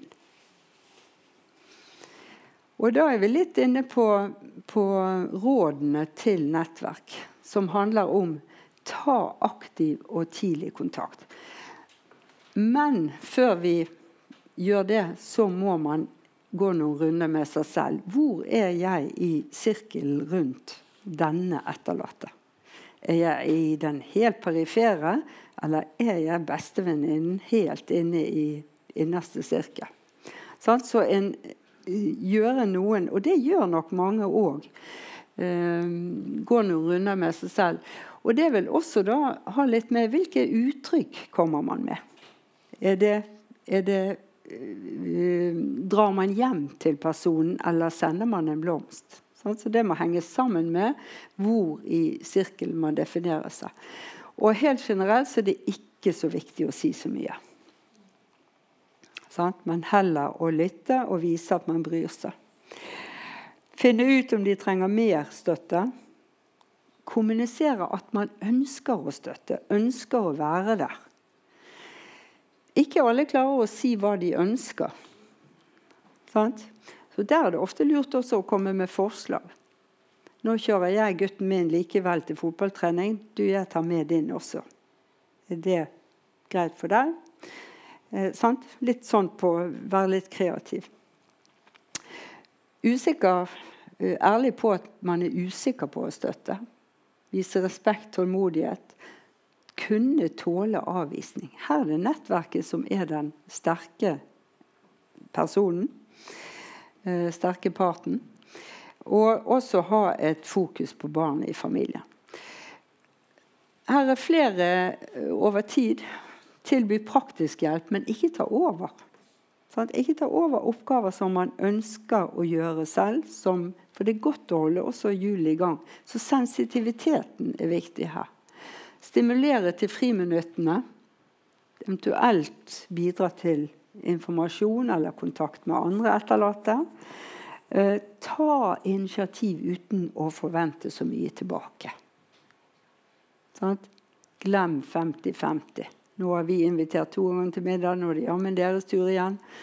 Glem det. Vær på tilbudssiden. Bruk avdødes navn i samtaler der det er naturlig. Det er ofte en god støtte. At andre husker på. Andre bruker navn. Og være der over tid. Og så kan nettverket også eh, støtte barn og unge direkte. Og det blir aldri feil å bry seg. Du skal aldri være redd for at du viser omsorg, så tråkker du for nær inn på noen. Hvis folk syns det blir for travelt, eller at for mange som bryr seg på for kort tid, så si ifra. Nå trenger vi kanskje være litt for oss selv, men vi vil gjerne møte deg en annen gang. Ikke sant? Så hvordan man avviser som etterlatt, er viktig. For å få de til å tørre å komme tilbake. Sånn at til etterlatte kan vi også gi noen råd. Inkluder ønsket nettverk i den vanskelige situasjonen. Kommuniser hva du sliter med, behov for støtte, og hvordan andre kan forholde seg. Jo mer man kan være konkret og tydelig der, jo mer får man tilbake. Og så er det viktig å kanskje, i den grad man klarer det, å signalisere at vi forstår jo at nettverkssituasjonen er utfordrende og vanskelig. Når man aldri har opplevd noe lignende selv. God støtte, gi tilbakemelding på det, og gi tilbakemelding på støtte som ikke er hjelpsom. Så tydelige kriserammede bidrar til gode støttenettverk. Det er utvilsomt. Så kan vi også eh, optimalisere nettverksstøtte gjennom eh, nei, foredrag i lokalsamfunnet, sånn som dette. Det kan eh, kriseteam, det kan fastleger for den del, det kan uh, likepersonsforeninger, pårørende, etterlatteforeninger gjøre ute i lokalsamfunn. Og på en måte informere eh, nettverk før ting skjer. Det er også noe som kan bidra til et varmere eh, samfunn. Tryggere samfunn. Kan også gjøre noe som eh, vi har gjort på senter hos oss, både som pilotprosjekt, gjort det i klinikken og gjort det som et mer randomisert, kontrollert eh, studie, hvor vi ser på effekten av det å samle nettverk rundt en rammet familie. Ha en to timers eh, samling med informasjon til alle. Og da er det det nærmeste nettverket som familien har pekt ut, som samles med to fagpersoner. Eh, hvor man går igjennom, eh, informerer hva har skjedd. Vi kan eh, informere om vanlige sorgreaksjoner. Informere om type eh, viktig nettverksstøtte. Hva skal til for å optimalisere nettverksstøtte? Osv. Og, og en kan ha spørsmål og diskusjon. Særlig fokus på dette med opp, eller støtte over tid eh, ser vi har god effekt inn i sånne grupper. Og dette ble veldig fort og harelabb på noe som vi har skrevet mye om. Her er en bok til som vi har skrevet 'Sosial nettverksstøtte ved brå død'. Og det er ikke bare ved brå død, eh, men det er eksempelet er nok knyttet mye til det. Hvordan kan vi hjelpe? Her har vi skrevet mye mer enn det jeg får tid til å si nå. Og helt til slutt så vil jeg si at det er viktig, det som er viktig å stimulere for alle. Nettverk, profesjonelle, likemenn, likepersoner. Det stimulerer håp. Det er mulig å, opp, å overleve, selv ved krevende livserfaringer. Det er viktig å pendle sant? mellom å forholde seg til det vanskelige og gå videre i livet.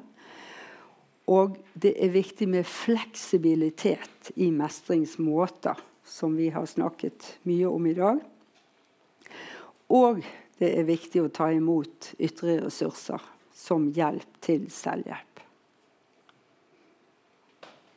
Da er vi der. Og si takk for